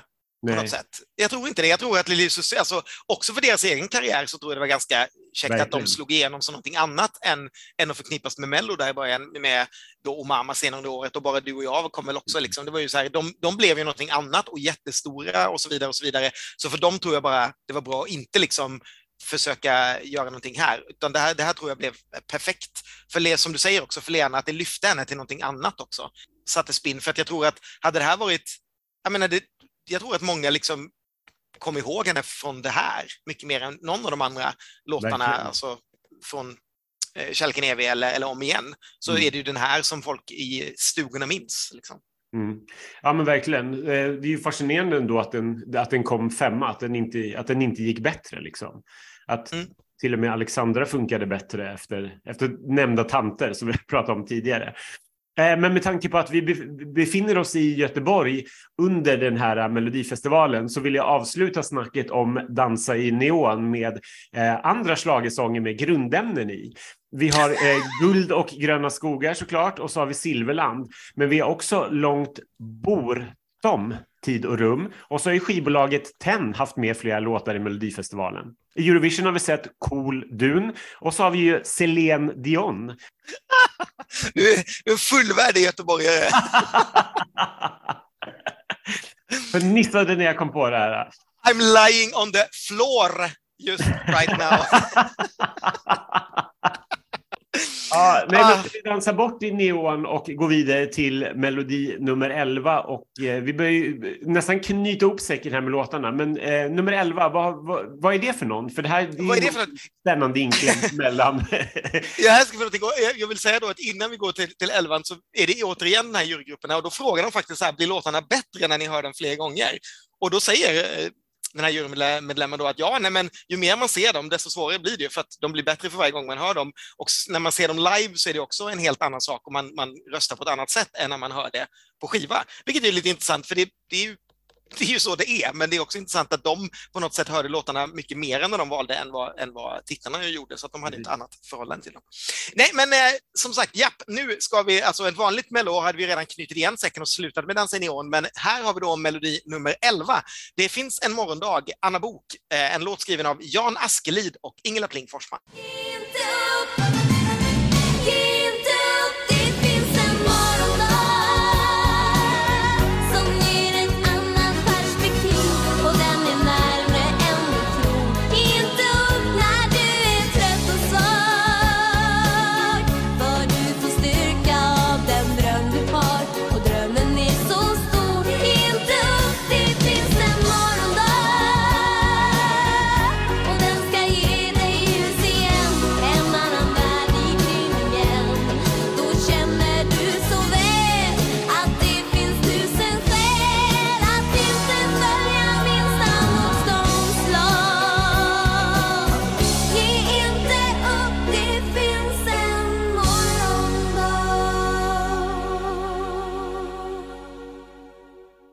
Ja, vill, du berättade lite om Anna i början, årets yngsta deltagare för andra året i rad. Precis. Det hade ju varit mycket snack om den här låten innan, inte bara för då att Anna var sjuk under eh, veckan som ledde upp till eh, finalen, utan också för att det var ytterst tveksamt till om Anna var rätt artist för den här låten. Anna var ju bara 16 år när hon framförde eh, Det finns en morgondag och eh, hon ville ju otroligt gärna sjunga den här låten och blev irriterad när folk ifrågasatte om den skulle passa bättre på en äldre artist. För då sa hon liksom att så här, skulle bli låten bättre bättre av att den sjungs av en 20-åring, vilket jag tycker var jätteroligt. Jag tycker att det här är jättekon... Jag tycker det här är konstigt, för det här var ju ytterligare en besvikelse. Efter Style då, som, som ställde upp med en sämre låt än året innan, så kom ju Anna Bok som stod för liksom ung pop, liksom den här barnpoppen i ABC, som var min stora favorit 1986, och ställde upp med den här kärringballaden. Hon, hon är liksom så klädd som en, som en tant också, och eh, hon är, hon är ju verkligen ingen stor sångerska. Det märks ju tydligt här. Även om hon fortfarande var lite krasslig så är hon ju helt fel person för den här låten. Det, är ju helt, det var ju helt korkat att ställa upp tycker jag med den här låten året efter ABC när hon hade profilerat sig som någonting helt annat. Ja, nej, jag håller med 100 procent. Det här är ju ett typexempel på när man bara vill vara med utan att tänka alls på vad det är för en typ av artist man är. Som mm. du säger, hon var ju liksom ung. Det passar inte hennes röst, det passar inte hennes ålder, det passar inte hennes image, det passar inte hennes fans. Alltså det finns liksom ingen anledning överhuvudtaget till att någon gav den här till henne från början. Det är så konstigt alltihopa. Sen måste jag säga att nej, hon är verkligen ingen stor sångerska och har aldrig varit, höll jag på att säga, men det låter inte så jäkla så illa i klippet, alltså, alltså tonmässigt. Vad jag, men det, jag vet inte om de har ändrat det. På något sätt kommer jag ihåg det som mycket värre än vad jag tycker att det låter, även om det inte låter perfekt. Så har jag på något sätt, mitt minne av den här låten är att hon sjöng mycket sämre än mm. vad det låter när man tittar på klippet som ligger på eh, SVT. Och jag vet inte om de har ändrat det på något sätt, eller det har de väl inte, utan det är väl det, det så, det som tror, det lät antar jag. Det tror jag inte, men vi har ju genomlidit betydligt värre saker sedan dess. Eh, vi, vi har fått höra Regina Lund kraxa sig igenom en låt och Aniela harkla sig igenom en låt. I förhållande till det så är, det, så är väl det här verkligen helt okej. Okay, liksom. Däremot så kommer hon ju in i fel takt med eh, orkestern. De spelar väl för snabbt, är det inte så? Mm. Ja, någonting är det i alla fall. Hon ser ju lite irriterad ut där när hon tittar, eller belänger surt på orkestermedlemmarna. Återigen orkestern, jag säger ja. det, jävla skräp. Ja, nej, men, men man, vad man kan säga också är väl att hennes karriär aldrig repas efter det här. Alltså det blev ju, det, det var ett stort hål ända tills hon liksom vann Let's Dance, typ. Som, ja, men... som det blev en liten svung igen. Liksom. Lite så, och, där, och, då blir det ju ännu mer konstigt att hon liksom inte tog vidare ABC-grejen som är det som fortfarande är, det är ju en slagerklassiker men också fortfarande så starkt förknippat med Anna Bok. Alla vet ju liksom att ABC hör ihop med Anna Bok. Då är det så konstigt att man inte spann vidare på det överhuvudtaget liksom, utan försökte göra något så seriöst av det hela. Jättekonstigt. Ja, jättekonstigt. Nu sa jag förresten att hon vann Let's Dance, vi kom hon två efter Måns. Ja, hon kom två efter Måns. Ja, precis. Har någon förargad Selmelöv efter mig. Anna kom tvåa efter Måns.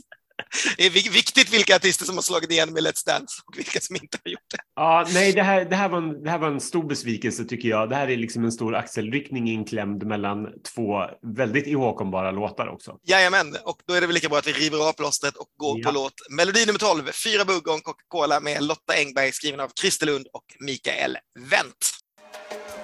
Fyra bugg och en Coca-Cola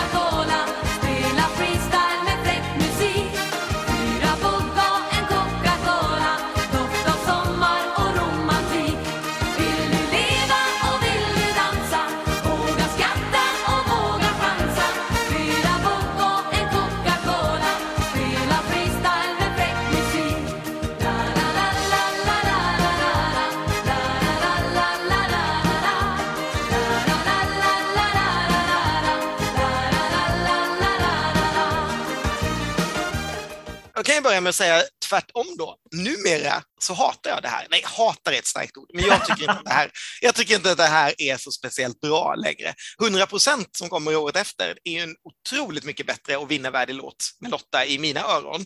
Men då, bara för att jag har varit så lite av innan så kan jag säga att det här tyckte jag var rätt härligt 1987 då. Till skillnad liksom från, från Arja och Cindy så, så gillade jag Lotta trots min popkärlek av någon outgrundlig anledning så tyckte jag att det här var härligt. Liksom. Nu tycker jag det är förfärligt. Den här spelade käckheten som är liksom så ärvd från eh, är det det här du kallar kärlek, att man vill gå liksom lite på samma sak, det här och lallandet och den otroligt fåniga texten. Jag skulle sträcka mig till och säga att jag tycker att det här är en av de sämsta låtar som vi har skickat. Alltså, någonstans där med liksom Bara hon älskar mig och Som en vind och Las Vegas och är det där du kallar kärlek för den delen. Där någonstans i det gänget. Liksom. Jag usch vad jag tycker att det här är två år i rad numera som har otroligt dåliga vinnare och extremt bra låtar. Men Lotta är ju en stjärna måste jag säga och jag antar att det var det som lyste igenom också. Eh, alltså hon får det att kännas genuint, hon känns liksom stensäker och så vidare och så vidare. Men eh, nej, nej, gillar inte idag, gillar då. Nej, jag var inte alls förtjust i det här. Liksom mina favoriter hamnade ju fyra och femma, Alexandra och Dansa i neon. Och sen var det liksom tanten innan som jag var bara så här, vad tröttsamt. Och sen att det här vann. Lotta Engberg som jag tyckte var en kärring på den tiden. Hon var bara 23 år ska tilläggas när hon vann. Eh, då höggravid också eh, med Anders Engbergs barn eh, som var 12 år äldre och de hade ju eh, blivit polare liksom Eh, när de körade åt Therese i Luxemburg och sen hållit ihop och så växte det fram kärlek liksom bara några år efter det. Eh, nej, jag är inte så förtjust i det här alls. Ehm, eh, eh än, alltså, nu heller. Jag förstår precis som du nämnde att så här, man fattar ju grejen för Lotta är så proffsig och det är så mycket glädje och liksom färg och fläkt och det är ju liksom Eh, mitt i vintern och det är klart att folk blir glada av det här tänker jag. Eh, jag, tycker, jag måste bara tillägga att hon har en helt orimlig frisyr med det här korta tantkrullet som ser ut som, en, som att hon är korthårig och sen där bak är det liksom så här eh, ihoptryckt i någon liten tofs där krulliga håret. Alltså det är en obegriplig frisyr. Det kanske, är, det, kanske inte är, det kanske inte är en av de sämsta vinnarna, men det är absolut den sämsta vinnarfrisyren. Vi kan nämna också att hon har med sig, eh, gänget hon har med sig heter Ralf Piker, Karin av Malmborg, Imre Daun, Claes Anderhäll och Åsa Wendt. Och jag stör mig ju otroligt mycket på någon av de här kvinnorna. Jag lyckas aldrig lokalisera vem som måste tjoa så himla högt hela tiden. Den här, den här låten hade ju också Bert ett annat namn på, som han ville skulle göra den först, men som stoppades. Vet du vem det var? Nej? The Pinks. Ja, Eh, men-. Men eh, de, där var ju, det var ju ett gäng unga killar och de två yngsta, eller om det var den yngsta, var för ung för att vara med. Eh, och det var Ber- Bert väldigt arg över då, för de fick inte chansen. Och de fick ju faktiskt aldrig chansen att vara med i Melodifestivalen innan de ramlade in i målbrottet, en del av dem, och hela gruppen föll ihop. eh, men ja, jag tror knappast att låten hade vunnit med The Pinks. Det hade ju gett en helt annan aura till den här låten. Mot vad det Ja är nu. men, ja, men det hade det ju verkligen gjort. Jag måste bara få berätta om ett citat som jag, som jag tycker är helt fantastiskt, som jag hittade i en av kvällstidningarna. Lotta berätt, berättar så här. Eh, om att hon och Cindy Peters hade eh, loger väldigt nära varandra. Vi hade logerna bredvid varandra och jag har aldrig haft så kul. Vi kastade smörgåsar på varandra och skrattade oupphörligt. Vill man inte vara en fluga på den väggen när Lotta Engberg och Cindy Peters kastar mackor på varandra? Och så sitter arga över rummet bredvid och skriker kar- kossa. Jädrar vad man vill varit i det där liksom. Som Max sa det så hade Cindy Peters en skagen baguette i ansiktet. ah, jag orkar inte. Ja, men där var ju alla låtarna och det som hände sen då innan den här Aktuellt-pausen är att, att eh, Fredrik Belfrage tar fram nioåriga Anna Lööf från Stockholm som hade varit i hans eh, morgonprogram Godmorgon Sverige. Han hade ju ett program varje morgon då som de flesta av oss, eller i alla fall jag, satt helt slaviskt och tittade för det var där man fick se tecknad film. Eh, Den enda gången man fick se tecknad film utom på julafton så var det i Godmorgon Sverige. Eh, och då hade de utnämnt den här Anna Lööf till kranskulla så att hon ska dela ut blommor till, eh, till vinnaren. Det är väl den första som framträder i det här programmet som är yngre än oss. Precis, jag hatade henne för varför fick hon göra det och inte jag? Jag vet, jag vet. Och hon får så här också så tråkiga svar. Han bara frågar så här, liksom, ja, vad tyckte du om låtarna? Hon bara, alla var bra. Och så frågar hon han liksom, vad tyckte du om kläderna? Hon bara, de var roliga. Man bara, ah! Och sen frågar han vad, vad hon tycker om farbröder med gelé i håret, vilket bara känns obehagligt. Eller det- hur? Jag reagerar också på det. Jag tyckte just den repliken tycker jag är så frukt... Det, det, det bara, jag blir så här illa berörd. Det känns så himla grooming-aktigt. Ja, den är otroligt otäck. För det, han säger det också på ett sånt sätt. Ja, jag Liksom. vet. Att Först, vad tyckte du om låtarna? De sig, bara, vad tycker du om farbröder med gelé i håret då? Man bara, mm! ta bort farbrorn, blinka två gånger Anna, vi ska rädda dig. En intressant grej här är, han frågar ju eh, vem hennes favorit är. Och då slutar det då med att, att hon viskar det i hans öra. Vi får ju då aldrig veta i tv-programmet vad hon viskar. Men det här var jag ju tvungen att ta reda på för jag tänkte det måste ju stå någonstans. Och mycket riktigt, hon viskade vinnaren faktiskt. Hennes favorit var Lotta Engberg, så det var ju kul för Anna i alla fall. Visst känns det här som en så här Christer Björkman-upplägg där man slutar med någon så glatt som får igång hela arenan medan liksom vinnarkandidaten ligger på plats 10. Det känns lite som att, att det är liksom en, en klass, en så här rökare som startar och sen trycker man in liksom lite andra eh, hits emellan. Jag tycker det känns väldigt Christer Björkman, hela den här grejen. Ska vi tuffa vidare och lämna Vi tuffar vidare. Vi, eh, Mm. vi har haft paus för Aktuellt och eh, vad som händer sen är helt enkelt att Belfort kommer in och så står han och smusslar lite med Kurt-Erik och säger att nu har han sex låtar gått vidare och han vet vilka det är. Och eh, då kommer vi till det här otroligt märkliga i det här programmet då. För det visar sig ju att artisterna vet det redan också. Det här, det här är liksom ingenting som de kommer sitta och få reda på i sändning, utan de, de vet redan eh, det här. För när Belfort nu då ropar upp eh, de här låtarna, som väl aldrig sägs att de skulle vara i någon random ordning, vilket de obviously inte är, men man säger inte heller att de inte är i någon random ordning, utan det går väldigt fort och så bara säger han Alexandra och pang så står Nanne och, och Angelique redan på scenen. Så att de, de har ju liksom vetat det innan och publiken i hallen har ju redan vetat det innan vi hemma i tv-soffan fick veta det. Utan det här är ju, allt är ju redan på något sätt liksom övat under pausen, under den här aktuella pausen, att alla vet vilka det är, alla vet vilken ordning det ska göras i. All, alla, allt är berett, förberett på det här redan. Mm. Det är jättekonstigt att liksom hela publiken då har sett och vet exakt vilka som står på scenen när han ropar ut det för oss tv-tittare. Jättekonstigt. Här Mm. måste jag bara fråga en sak. Som du väl, alltså, hade de olika uppsättningar av kläder eller hade de samma storlek? Så de bara bytte kläder? De hade olika uppsättningar av kläder. Såklart. Ja. Precis. Inte undra på att det kostade så mycket de gjorde. Så de var lite förberedda för att de skulle gå till final kan man säga. Undrar vad som hänt om de hade vunnit. Hade blivit schackrutigt då. ja, det, det, vet, det vet jag faktiskt inte. De går ju som sagt ut som, för, som första finalist och sen så rullar det ju på ganska snabbt. Jag vet inte om, finns det någonting att säga om det här? Var det no, upptäckte du någon skillnad mellan låtarna? Alltså, Nej, det tycker jag inte. Det tycker jag inte, utan jag, jag lyssnar igenom allihopa igen. Jag tycker att alla var precis likadana som det var innan. Men, men det är så roligt just för att, för att Cindy kom ju näst då och sen mm. så kom ju Arja.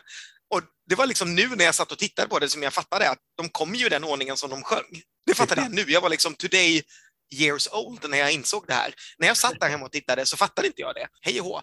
Och, och det är också roligt att de när han ska liksom berätta det här så säger han, sen när vi kommer till Style så säger han, Lisebergshallen ser ni vad som håller på att hända på scen, men jag tänker inte berätta. Och då bara, ah, okej, okay, det, det, kan man väl köpa då att de ser det lite innan för de var så här, ah, man håller på att bygga och ställa fram syntar och så håller man på med mycket frisyrgelé och man bara, ah, oj, undrar vem det kan vara. Det tycker jag är jättekonstigt och, väldigt fräckt mot oss tv-tittare. Det är så här, jag vet något som inte ni vet. Och inte alls det minsta charmigt tycker jag. Eh, jag blir bara, jag blir bara irriterad över det här. Varför, varför, varför tog han sig rätten och berättade på det här sättet? Ja, men jag får också lite känslan av att det känns som så här, han, han har styles som favoriter på något sätt, eller att han, han behandlar dem lite som att de är de största artisterna. För det, det är hela tiden massa gnabbar om deras frisyrer. Han pratar om att liksom, eh, Sandelin, det var det här när han pratade eh, med, med den här unga tjejen om, om frisyrer som handlar om, liksom, också som är en passning till, till Sandelin. Och liksom, det är också något skämt om att Christer Sandelin har sagt till honom att han ska lägga av med breakdance för att han har inga hår kvar på huvudet och så vidare. och Så vidare liksom. Mm. Så det känns lite som att, att i hans värld är det så gjutet att Style går vidare, så det kan han berätta innan, för det fattar vi hemma. Liksom. Eller ja, det, det, det är något konstigt vibb där som jag inte riktigt förstår. Och sen börjar han ju liksom göra någon sorts gissningslekar in Lena, typ så här, vilken, vilken småländsk stad tänker ni på när jag säger bandy? Är det Vetlanda? Liksom, ja. All nerv i de här momenten är bara helt borta. Jag vet. Eh. Och det blir ju så jättekonstigt tycker jag, för man, man vill ju ha det här ruset i lokalen där de bara, oh, wow, min favorit gick vidare och folk applåderar. Nu blir det ju bara jätteospännande. Man, alltså jag förstår inte, var man så stressad att det tog så lång tid att ställa fram allting emellan? Alltså så lång tid tar det ju inte. Det är ju bara att gå ut på scen för vissa och ja, ställa ut en synt, men menar, det går väl på två minuter liksom. Ja, och det absolut konstigaste kommer, för när, när, när väl Lena då hade ropats upp så tänkte jag så här, nej men, ja, men det kanske var så, man, man gjorde liksom, man man byggde inget på det, utan man tog dem i ordning och så fick man liksom Ja, nu visste vi då att det stod liksom mellan Anna eller Lotta på slutet eftersom vi redan hade haft Lena och, och så vidare och så vidare. Så att, ja, det kanske var så, tänkte jag. Mm. Men då säger han då inför sista låten, så börjar han ju liksom rubbla så här, ja, mm, nu finns det alltså sju alternativ kvar, men bara en låt kan gå vidare. man bara, nej Fredrik, det finns två alternativ kvar, för du, du har tagit dem i ordning innan, liksom. så varför mm. skulle du hoppa tillbaka? Och plus att man ser hela liksom, Lotta Engberg-gänget kommer gå. ja, det, det, här är verkligen helt obegriplig tv när man ser de här gulrosa människorna springa runt bakom honom och han försöker bedriva någon gissningslek. Liksom. Det är liksom, det var nog möjligen Ken, 14 år, som var jättestressad, som inte förstod antagligen. Liksom. Men, men för 95 procent som satt hemma så måste det bara varit Nej, jag vet inte, man bara köpte det. Liksom. Kul, kul att folk, i, eller tur får man väl säga, att folk i publiken inte hade mobiltelefoner på den här tiden. För då hade, ju, då hade det varit lätt att liksom mässa sin polare vem som satt hemma för, framför tv-apparaten och berätta vem som stod på scen nu. Liksom. Det, är, det är en otroligt bra poäng. Jag menar, det, är, det är verkligen en helt annan tid man lever i. Ja. Det går ju att visa saker för en hel hall och ingen kan göra någonting. Det, är liksom, det mesta de kan göra är att de kan springa hem två timmar senare och ringa någon. Gud, vilken annan tid. Ja, men eh, Arriba Arriba, Lotta har gjort, och det där är ju, eh, Belfag outar hennes graviditet igen, den hade ju alla som läst tidningen kanske vetat om, men, men han eh, börjar köta om den där, om att han är en, hon är en enmansduo och rund om magen och allt vad det är han eh, står och säger. Sen så kommer ju då det här jurymomentet som kanske är det så minst tv-mässiga momentet någonsin. För, först så babblar liksom Belfar bara på och sen så börjar orkestern spela musik som då visar sig vara en specialskriven låt av någon som heter Mats Nilsson som heter Rösta rätt. Men det enda man gör då i fyra minuter, det är att man lyssnar på den här instrumentala och så går kameran och filmar de här okända människorna som sitter där och mumlar och är i juryn då. Det är så tråkig tv. Det funkar ju bara när ingen kunde byta kanal, för det fanns ingenting att byta till. Det, liksom, det, det var bara meningen att vi skulle gå och käka chips eller hämta med, eller jag vet inte vad man gjorde hemma, vi hade ju precis haft Aktuellt. Liksom. Men där sitter folk i fyra minuter och tittar på andra människor som sitter och mumlar mot varandra. Jag vet, det är, helt, det är helt obegripligt. Och när man inte tycker att det kan bli sämre, då får vi dessutom se den här värdinnan Maria då, som går och samlar in alla papper. och hon sitter också längst bak bakom. De har tryckt in artisterna också i, i en hörna också. De sitter på en mycket, mycket liten liksom, del, så att Arja sitter ju så långt bak som hon knappt syns. Eller, nej, men, men de sitter ju på tre rader liksom, istället för att sätta alla dem på en lång rad eller något som man kan filma allihopa, för man vet ju inte hur det ska gå. Så sitter de inklämda med den här Maria då längst bak som måste klättra över Nanne ungefär för att komma och kunna samla in sina papper.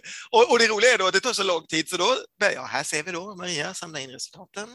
Ja, nej, men eh, vi kanske ska be orkestern att börja spela lite mer på Rösta rätt igen. Ja, så kommer låten igång igen medan Maria går runt och samlar in. Ja, vilket tråkigt tv. ja, och sen äntligen då så börjar det och det, går, det är också väldigt analogt. Det är inte så att Belfrage står någonstans och når, utan då går han runt med micken till varje sånt här bord då. Eh, till synes random, men jag vet inte varför. Men om det är random eller om någon har talat om för honom vilken ordning han ska göra det för det ska bli eh, extremt spännande mot slutet, eller om det verkligen är så här att han bara lyckas ta dem random och så blir det som det blir. Det, mm. Eh, man vet inte om han har en algoritm i bakgrunden eller om han bara kör. För det blir ju ganska spännande mot slutet i alla fall. Uh, ja, men det blir det uh. verkligen. Jag blev så irriterad här när, när gruppen 20 till 25 helt obegripligt ger Alexandra ett poäng. Alltså det var ju unga människor, de borde ju ha gillat den här popmusiken. Istället så gav de liksom sin hög, högsta poäng till När morgonstjärnan brinner. Jag var ju vansinnig. Jajamän, och jag också. Och nästa gång när 50-55 kommer, de ger också en 1 till Alexandra. Då, ja. var man ju, då var ju bara, och, och tio till arga. Kan, man kan ju fatta då varför vi var så arga på kärringarna. De får varsin tia medan Alexandra får liksom en etta. Det är tur att 35-40-åringarna är människor som är i blomman av sin ålder, som Fredrik Belfrage kallar dem. De ger ett till Cindy och sen tio till Lotta. Eh, men Alexandra får en åtta här, vilket man hör Nanne skrika i publiken. Man hör ett glädjevrål från Nanne att det inte bara blev ettor, utan här kommer det minsann en åtta eh, farande.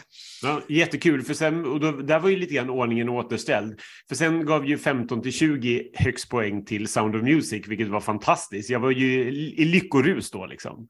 Mm. Så fyra grupper in så har liksom Lotta och Arja samma poäng och Cindy bara tre efter, så det är väldigt tajt eh, där i, mm. i början. Ja, och sen så kommer, sen kommer seniorbordet då som ger Style en poäng och Lotta får en eh, tia. Jag, är lite glad när jag säger att, att eh, Lena Philipsson fick en åtta. Så hon var liksom en old people's sång. Den senioren var det som, som näst flest pensionärer gillade, eller pensionärer, 50 60-åringar 50-60-åringarna gillade i alla fall. Mm. Det är väldigt spritt röstat överlag måste jag säga. Ja, det, är det. Det, det, tycker jag är väldigt roligt, att det blir liksom enorma variationer över vilka som får högpoängare och vilka som får de låga poängen. Det känns ju ganska mm. kul ändå liksom att eh, vinnaren då, Lotta Engberg i slutändan har liksom fått en etta och en tvåa, men hon har fått tre tio liksom. Eh, varav en är från 40 till 45-åringarna som kommer efter och sen kommer 25 till 30-åringarna som tycker det här är ruskigt spännande och jag noterade att 25 till 30-åringarna ser yngre ut än 15 till 20-åringarna. Dessutom sitter det en rätt snygg kille bredvid juryordföranden. det var det jag konstaterade. Men ja, de ger i alla fall också 10 till Alexandra, vilket kanske gjorde att 14-åriga Ken borde, borde älskat 25 till 30-åringarna, även om de kanske var lite, lite väl gamla. Mm. 45-50-åringar, de ger 8 till Cindy, 10 till Arja, som nu är 8 poäng efter Lotta med en grupp kvar då. Så eh, alla fattar ju som, som kan liksom, eh, lite matte vet ju då att Lotta måste ju få en etta och Arja måste få en tia och då kan ju Arja vinna, men annars har ju Lotta i stort sett liksom varit i ledning eh, hela tiden, så man tänker väl att men det här är väl liksom avgjort. Och i alla ja, fall när man sen vet med facit i hand hur det gick, så mm. kan man ju tänka att det här borde inte varit spännande alls. Eh, det, det enda tråkiga är också att ja, men då tänkte Belfrage, ja, men då passar jag på att prata med Lotta som ligger i ledning. Så har hon ingenting att säga och då frågar han liksom, har Arja något att säga? Nej, otroligt. Så gud så trista människor liksom säger någonting. Ja, men då är det alltså 30-35-åringarna som får avgöra det här med en kvinna som ser ut som hon är 45 och så är de verkligen en etta till Lotta Engberg. Vilket är liksom ett, ingenting kan ju liksom bli mer spännande när man vet att det är det, det är det enda som kan förändra något, det är om ettan går till Lotta Engberg och de bara ett poäng till melodi nummer 12 och så bara Så det känns ju som att någon har riggat det här för den ultimata spänningen på något sätt. Liksom. Verkligen. Det, det, det är otroligt. Och Fredrik bara, oj, vi kanske ska ta en paus nu och så här. Och Arja ler iskallt med hela ansiktet och liksom ser ut... Hennes hopp måste ju hennes hopp måste ju bara kommit den här sista sekunden. Okay? Alltså, Lotta ledde ju ganska mycket innan, så det, det är inte så. Efteråt, så när den, när, när historien liksom skrivs så tänker man att Arja hela tiden var liksom i ledning och tänkte hon skulle vinna och man har hört att hon var rasande och gick ut och sådär. Men när man tittar på det så är hon ju liksom aldrig i ledning förrän just den här sista jättespännande jurygruppen. Exakt, exakt så. Och de ger ju då, eh, alltså, så är det två kvar till slut. Då. Det är så jävla spännande. Det är åttan och tian som ska delas ut och alla vet om Arja får tian, då har hon vunnit. Och sen går åttan då till Arja och tian går en högst rimlig tia vill jag ändå säga till Lena PH. Och då, då ser Arja inte alls så glad ut längre. Då ser hon sjukt allvarlig ut. Hon ser otroligt ledsen ut. Och så här i efterhand är det ju jättesynd, men då så pustade 14-åriga Ken ut rejält kan jag säga. För tanter skulle vi absolut inte skicka, liksom. även om Lotta inte var eh, all that så var det i alla fall bättre tycker jag. Men men eh, det är intressant här med resultatet eh, som, då, som då slutar med att eh, Lotta vinner ju då såklart med 59 poäng och Arja får då 58 poäng, bara en poäng som vi har nämnt då. Men det är också väldigt jämnt mellan trean, fyran och femman. Eh, då Cindy Peters har, får 46, Alexandra som blir fyra då får 44 och Lena Philipsson blir femma med 43. Det där hade ju kunnat sluta hur som helst egentligen. Style hamnar ju klart sist då med 29 poäng. Ja, det säger väl en del om, om hur liksom hur tajt det var. Och det är ju inte så jättelångt heller.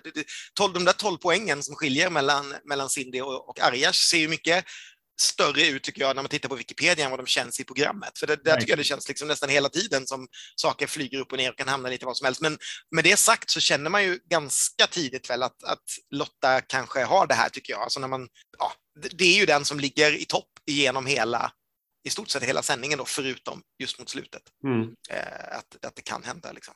Och sen blir det allmänt kaos och upp med gänget på scenen och där skymtar man liksom låtskrivarna någonstans i, i, i tumultet. Eh, men, men det är väl typ det man får av låtskrivarna. Liksom. Att man förstår att de här två männen som är runt där förmodligen har skrivit låtarna.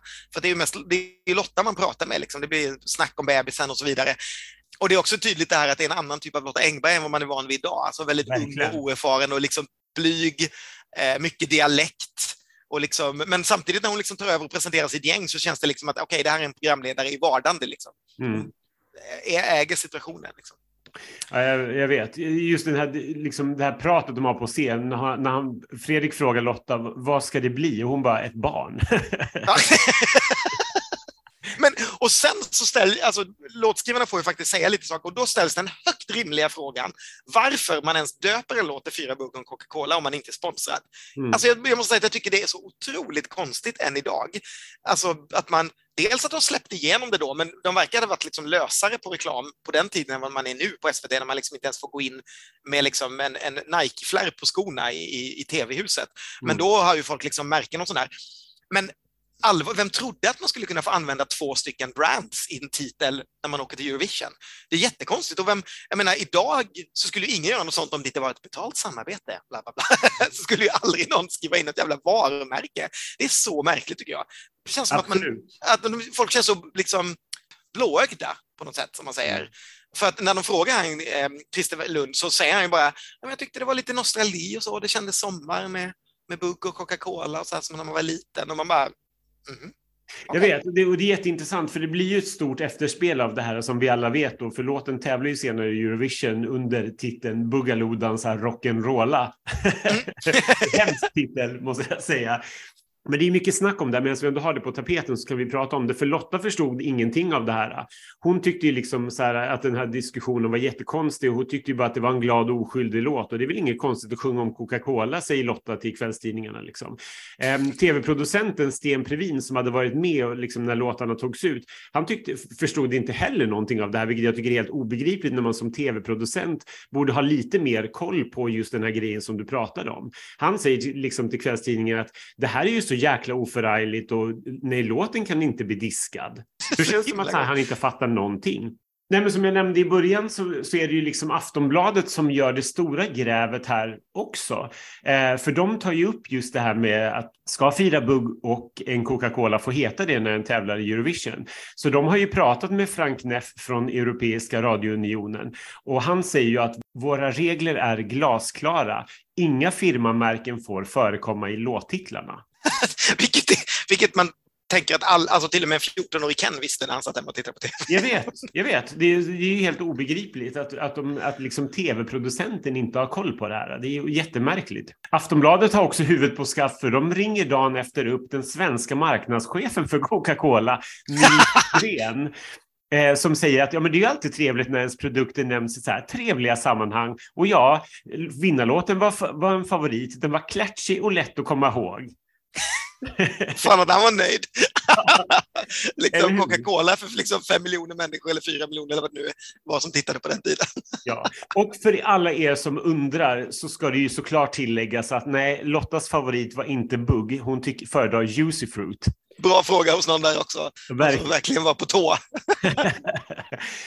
Verkligen. Andra, andra saker som händer efter, efter eh, programmet vi, vi, kan bara hoppa tillbaka till det som, det som sker på scenen. Måste, vi måste bara kommentera det nu när Lotta då har intervjuats och man har grattat henne och så. Den här Anna gör ju entré igen då och ska dela ut blommor till hela gänget, vilket också är så obegripligt dålig tv när Fredrik liksom tvingar Anna att kvista runt med de här stora buketterna till var och varannan människa på scenen. Jättekonstigt tycker jag. Och dessutom så är det ju helt obegripligt att Fredrik avslutar med att fråga publiken på slutet om rätt låt vann. Jag vet. På något sätt att han ska liksom förvänta sig att folk ska skrika ja. Jätteroligt ja. att de inte gör. Nej. Det är liksom en hel salong där som har liksom tolv olika favoriter. Är liksom en, det en full Lisebergshall liksom. Ja, så att man, bara hör, man hör liksom någon som bara vrålar nej, vilket ju är också ett härligt sätt att avsluta liksom. Precis, och passar, passar dessutom bra i den här podden. det var jag som hördes ända från Karlskrona. Sen, sen tänkte jag bara för att avsluta just på, på, själva programsnacket så måste jag kommentera Fredrik som vi har varit på nu lite grann och och kanske inte varit jättepigga på vissa saker, lite märkliga. Han säger konstiga saker, gör så, märkliga saker. Jag tycker liksom att hela hans programlederi är, är liksom färgat av någon sån nonchalans och det känns så orepat på något sätt. Det känns som att han bara glidit runt under veckan och tar det här med en klackspark och bara går upp på scen och bara ja, jag kan det här. Ja, men jag, tror det så, jag, jag tror 100 procent att det var så det var. Det var så det var. Man, man var liksom, han var manlig programledare, han var en av de stora. Man gick in och tog det lite på känn. Man mm. latchar lite med, med, liksom, med Kut-Erik och man gör det här och man pratar på. Man liksom, bara låtarna låg på rätt ställe så finns det liksom ingen manus runt omkring. Man bara kör. Ja. Det är bara, ja, nu är det det och nu är det det och man, bara, man är bara så skön. Det var så programledare var liksom. På, på den tiden. Man, man, ja.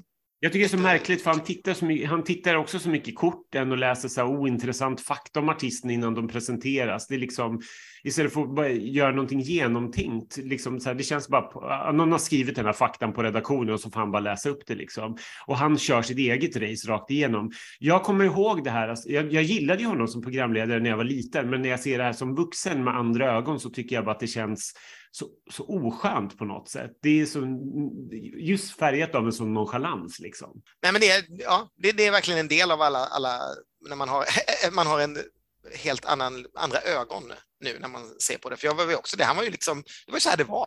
Det var ju så här program leddes. Det var ju så, han ledde Godmorgon Sverige. Ja, det var, det var så här man förväntade sig att tv skulle vara. Liksom. Mm. Aftonbladet skriver också dagen efter då om succétanterna Arja och som Cindy då säger, två kärringar på andra och tredje plats var väl inte så illa. Jättehärlig, skön inställning av de här, i alla fall av Cindy. Liksom. De arga ville bli kallad kärring. Jättekul också att båda två enas om att nej, men det här var första och sista gången de ställde upp i Melodifestivalen. en kunde hålla det i alla fall. Arja, Arja bröt, bröt glatt det löftet. En annan sak som Bert då, som babblade väldigt mycket, herregud vad han har sagt saker genom åren. Eh, det är inte så konstigt att folk har starka åsikter om honom, för dagen efter så säger han, han då som hade Lotta Engberg eh, i sitt stall, då säger han Lottas låt är ju en sån som fastnar med en gång. Visserligen tröttnar man snabbt på den, men det gör ju ingenting för den har ju redan vunnit. så roligt. Underbart ju! Jag vet. Eh, Lasse Andrell håller faktiskt med när han skriver om eh, Lotta Engberg dagen efter och säger att den, liksom, att den tappar smaken efter ett par lyssningar och att Lotta främst då vem, vann på sin charm. Eh, I sin krönika så skriver han också då eh, om Lena Philipsson som han kallar för 80-talets Anna-Lena Lövgren med sin nasala naturlighet och fågelliknande uppenbarelse. Jag bara fattar ingenting. Liksom första enda gången som Lena eh, liksom har jämförts med Anna-Lena Lövgren och en fågelliknande uppenbarelse. Vad fan betyder det? Det är så här, åh, allting var liksom bara kåta män som styrde allting. Liksom. Ja men, ja, men, ja, men lite så liksom. Eh, sen så klart, det skrivs ju mycket om liksom Lotta Engbergs firande då, att hon, är, att hon är gravid och lycklig och det är mycket pussbilder med, eh, med Anders Engberg såklart. Liksom. Det, är inte så mycket, det är inte så mycket, folk är inte upprörda över någonting och det skrivs ju ingenting om det här som vi har påpekat att låtarna, att det var liksom felsjungningar eller att, liksom att finalisterna avslöjades redan innan publiken fick se dem. Liksom. Det skrevs det var, Eh, men det här med när vanliga liksom, van, folket fick, röst, fick säga sin åsikt så var ju de ganska upprörda och tyckte att eh, fel låt hade vunnit. Expressen skriver att två av tre tyckte att fel låt vann av de som ringde in. Och några av kommentarerna, Lilla, Lillan från Åland som tyckte att vinnarlåten var äcklig. Eller signaturen Ekman 17 från Solna. Anna Bok borde ha vunnit. Hon har en snygg figur och en fin röst. Eller Per och Maria i Göteborg som tyckte att det var bra för folkhälsan att Style inte vann. Jaha.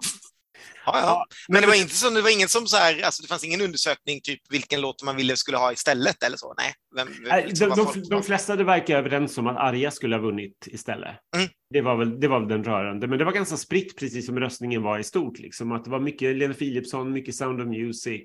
Eh, Cindy Peters nämndes inte alls lika mycket, så det verkar vara att liksom, Arja var den stora favoriten. En annan kul grej som Bert fick säga i tidningarna dagen efter också, att om det skulle vara så att eh, Lotta då skulle vinna i Bryssel, där hon tävlade i maj senare, och Eurovision skulle anordnas i Sverige, då var han sugen på att anordna slager-EM då på Skara Sommarland. bara, eh, jaha, och hur hade det gått till? Och, och jag läste också en annan grej som jag kom att tänka på som jag hade glömt bort. Kommer du ihåg det här med att vinnarlåten inte fick släppas innan, innan ett visst datum? Jajamän. Vinnarlåten fick aldrig släppas före det datumet när, förrän alla låtar hade valts ut, eller det är liksom sista inskickningsdatumet till EBU. Och det, det datumet finns ju fortfarande idag, fast då handlar det mer om att man liksom, nu måste Azerbajdzjan visa sin låt, för efter det här så måste den liksom komma ut och så vidare. Det, det är ju där det är idag. Då var det ju så att alla låtar skulle väljas och alla skulle ha liksom samma chans. Så mm. därför fick man vänta till ett visst datum och då fick den släppas och det berodde lite på då när Melodifestivalen låg, men oftast var det ju några veckor efteråt, alltså i slutet på maj som det här de fick släppa dem då. Mm. Det är lite kul ändå. Liksom, att vi... sen älskade jag att läsa, alltså kolla igenom kvällstidningarna, för sen när man dagen efter fick se liksom en stor annons för typ Marianne och så var det så här alla singelomslag till de här låtarna som då skulle släpptes nu. Jag blev ju helt så här varm i kroppen av den här känslan. För jag minns hur stort det var när man kunde åka in till pub eller Åhléns och köpa de här singlarna nu, liksom, som man bara älskade så mycket. Och fick höra dem i studioversioner och inte de här stompiga orkesterversionerna.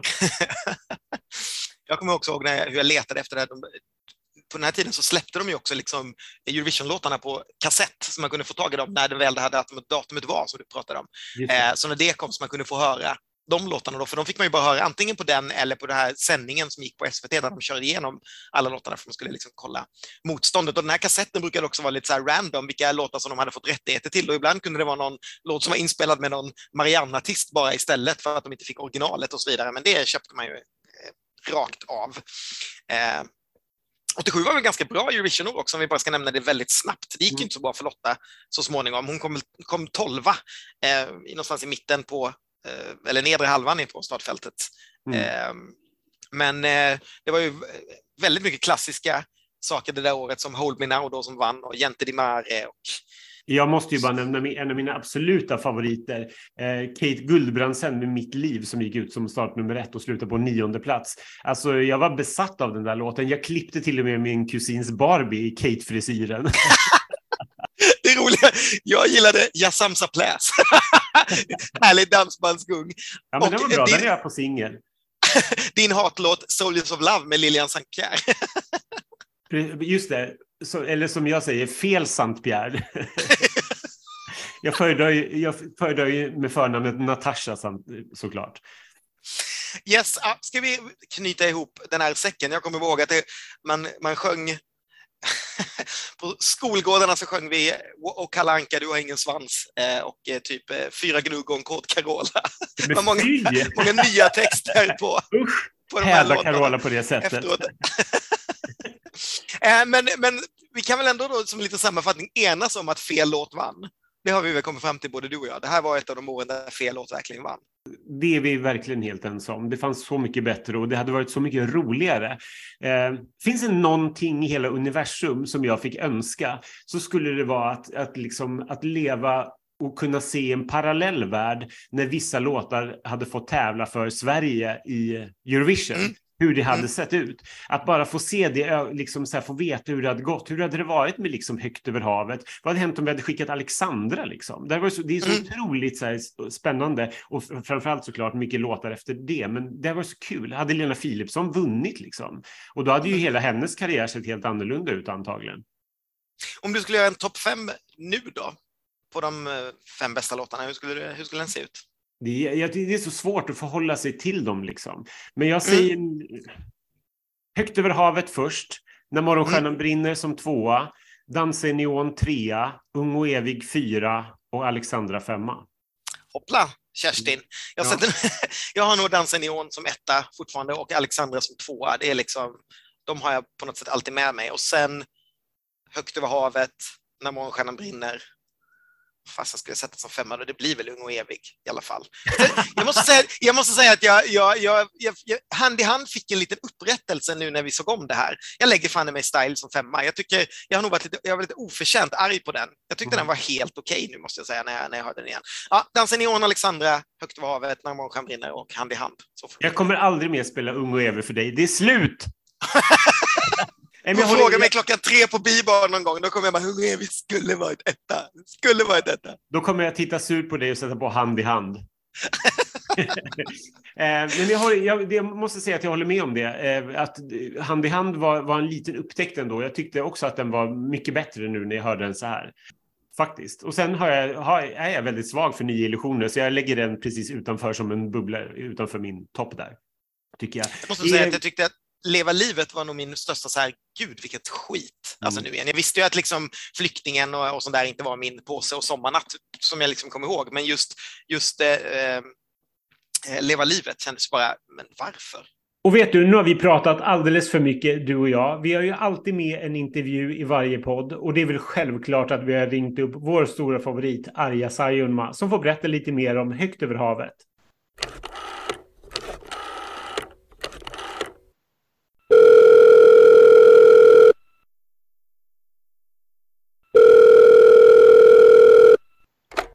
Hej! Hej, Hur, hur kom Högt över havet till dig från början? Ja, det kom av en slump. Ja, det, egentligen den, den stora förändringen i mitt liv hette Miljoner rosor och den ville jag ha på svenska. Och sen skulle jag spela in den, eh, men då fick jag ett samtal från en herre som heter Bert Karlsson.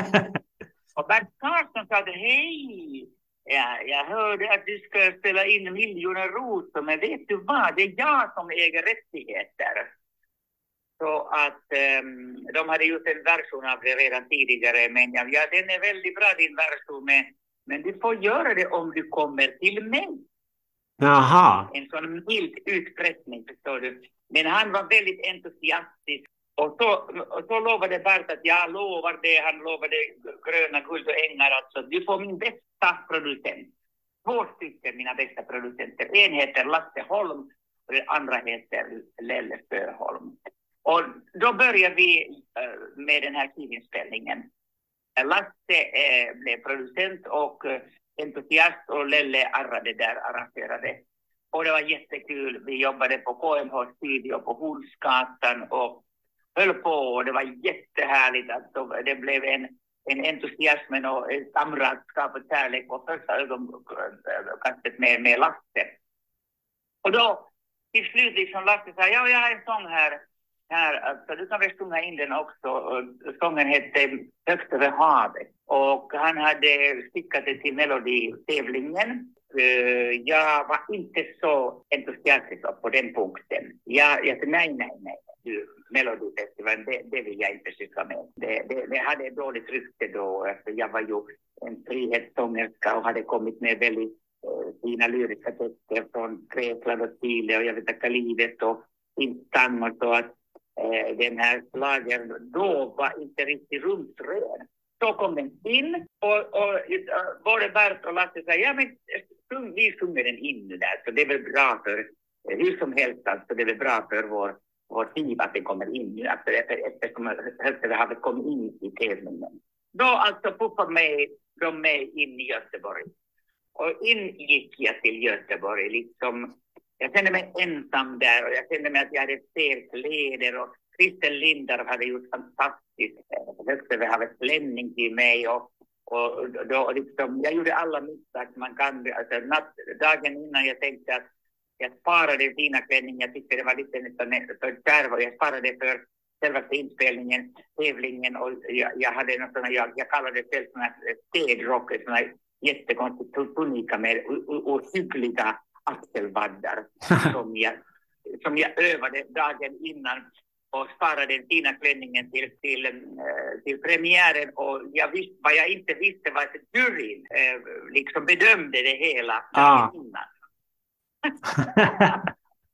jag hade egen teori att jag, alltså, jag visste den här ena poängen eftersom jag hade den här städrocken på mig. Alltså, men i alla fall, det var ju eh, Eh, och Lasse åkte till Schweiz och åkte skidor och lämnade mig ensam i Göteborg och jag irrade där runt och frågade råd på varannan människa där runt och jag, jag fattade inte att jag, sen plötsligt i mitten av tävlingen insåg jag att jag leder. Och det var ju, och det var ju väldigt eh, tävlingsmässigt oerhört spännande det här, det här ena poängen alltså och, och att, att den kom så pass högt så att eh, det var ju helt, eh, helt oväntat och eh, väldigt, väldigt skojigt faktiskt. Jag, jag kom hem från Göteborg som någon sorts eh, vinnare. Alltså många tyckte att den borde vunnit och jag blev pepprad av vänner och, och, och folk att du skulle vunnit och hela det där. Vilket var inte alls meningen. Eh, det var närmast på skoj att jag åkte dit. Men det var i alla fall väldigt roligt. Det kom som tvåa och det var kul. Men det som var roligast att det, det tog inte många veckor som det var nummer ett i Svensktoppen. Om vi hoppar tillbaka till Göteborg när du kom tvåa. Du säger att du, att du var väldigt glad och att det gick så bra. Men var det inte snopet att bara att hamna på en andra plats när du var så nära att vinna? Var du besviken? Var du arg den kvällen? Nej, nej, nej. Det, det, det här är helt... Det är helt skvaller alltså. Det här skulle vara arg. Det är klart att jag tänkte att fan, det hade varit kul att, att få den här poängen där. Men, men det, jag tog inte så allvarligt i hela tävlingen. Det var bara en glad överraskning att det gick så bra. För det är klart att en sån tävlingshäst eh, frös in i mig i mitten av, mitten av själva rösträkningen eftersom det, det var väldigt, det var delvis, om jag kommer ihåg rätt alltså, ett tag ledde den sången. Mm. Så att det, det, var, det var väldigt, väldigt spännande tävling. Men så det är, bara, det är bara skvaller helt enkelt att du har fått ett utbrott bakom scenen och kallat Lotta Engberg för en gravid körkossa? Nej, nej, nej, så är jag inte. Jag, först och främst kände jag inte henne. Jag hade ingen, ingen personlig relation till den här unga tjejen. Som jag tyckte det var kul. Alltså, jag, jag skojade kanske någon att jag barfota Coca-Cola låter, att hur kommer det, hur kommer det sig att den, då, då hade det, namnet hade Coca-Cola. Hur får Coca-Cola namnet uppenbara sig i titeln, men den togs bort tror jag. Mm, ja, precis. Den bytte namn. Men det var som vi laxade alla, liksom, en som sjunger, de sjunger barfota Coca-Cola alltså, ha ha ha. Mm. Det var ju på den nivån. Hur ofta sjunger du Högt över havet nu och är du trött på den? Jag sjunger det väldigt ofta. Den önskas hela tiden. Och jag är inte trött på den. Nej, den är, den är alltså definitivt en, en klassiker kan man säga. Därför den önskas hela tiden. Den mest bisarra omständigheterna. Till exempel en styrka. Det var en styrka som prästen sa till mig att och du går inte ut ur den här styrkan innan du har avslutat all sång med högt över havet. sen har jag naturligtvis äh, sjungit den, när jag uppträder som till exempel sådana här gaydisco Och, när jag var en gång, det var länge sedan som jag sjungit på Pride, alltså nej, QX Ja, på QX-galan. galan, ja. Och den gången jag kommer ihåg när jag första gången sjöng där, jag tror att om jag kommer ihåg rätt att jag fick ta det om tre gånger. Folket dansade på bordet, att jag fick ta det om och om. Man är ödmjuk att man har eh, fått vara med på med Högt över havet och jag är väldigt god vän med Lasse också. Så. att- Tack så mycket. Tack, tack. Hej. Ja, hej. Eh, om, jag får, om jag får fråga så här då. Vi, du är ju inte så förtjust i Fira Bugon Coca- Coca-Cola. Föredrar du Fira Bugon Coca-Cola framför Boogaloo dansa rock'n'rolla? Eh, ja, det gör jag nog, tror jag. Det andra, det, andra, det andra är så fånigt. Det enda roliga med det var ju just det där med Waterloo, Diggiloo och Boogaloo. Just Att vi liksom på något sätt skickar tre låtar. Ja, men sen när inte liksom historien upprepade sig så blev det ju jättefånigt bara. Eh, men jag, jag, jag, jag, som sagt, jag, är väl, inte- jag tycker fortfarande att det är så fruktansvärt konstigt att man får för sig att skriva en låt och sen inte liksom förstår att det är ett problem. Det är så himla konstigt. Undrar vad som kommer, undrar vad som kommer efter det. Eh, Waterloo, Diggiloo, Boogaloo och Toveloo.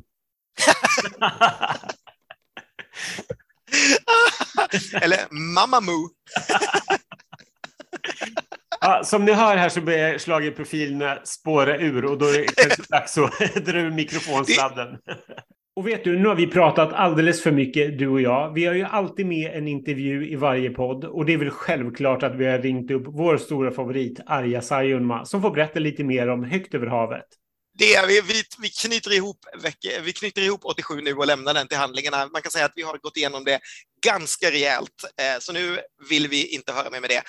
Utan vi säger helt enkelt tack så mycket för att ni orkade lyssna och hej då! Hej då!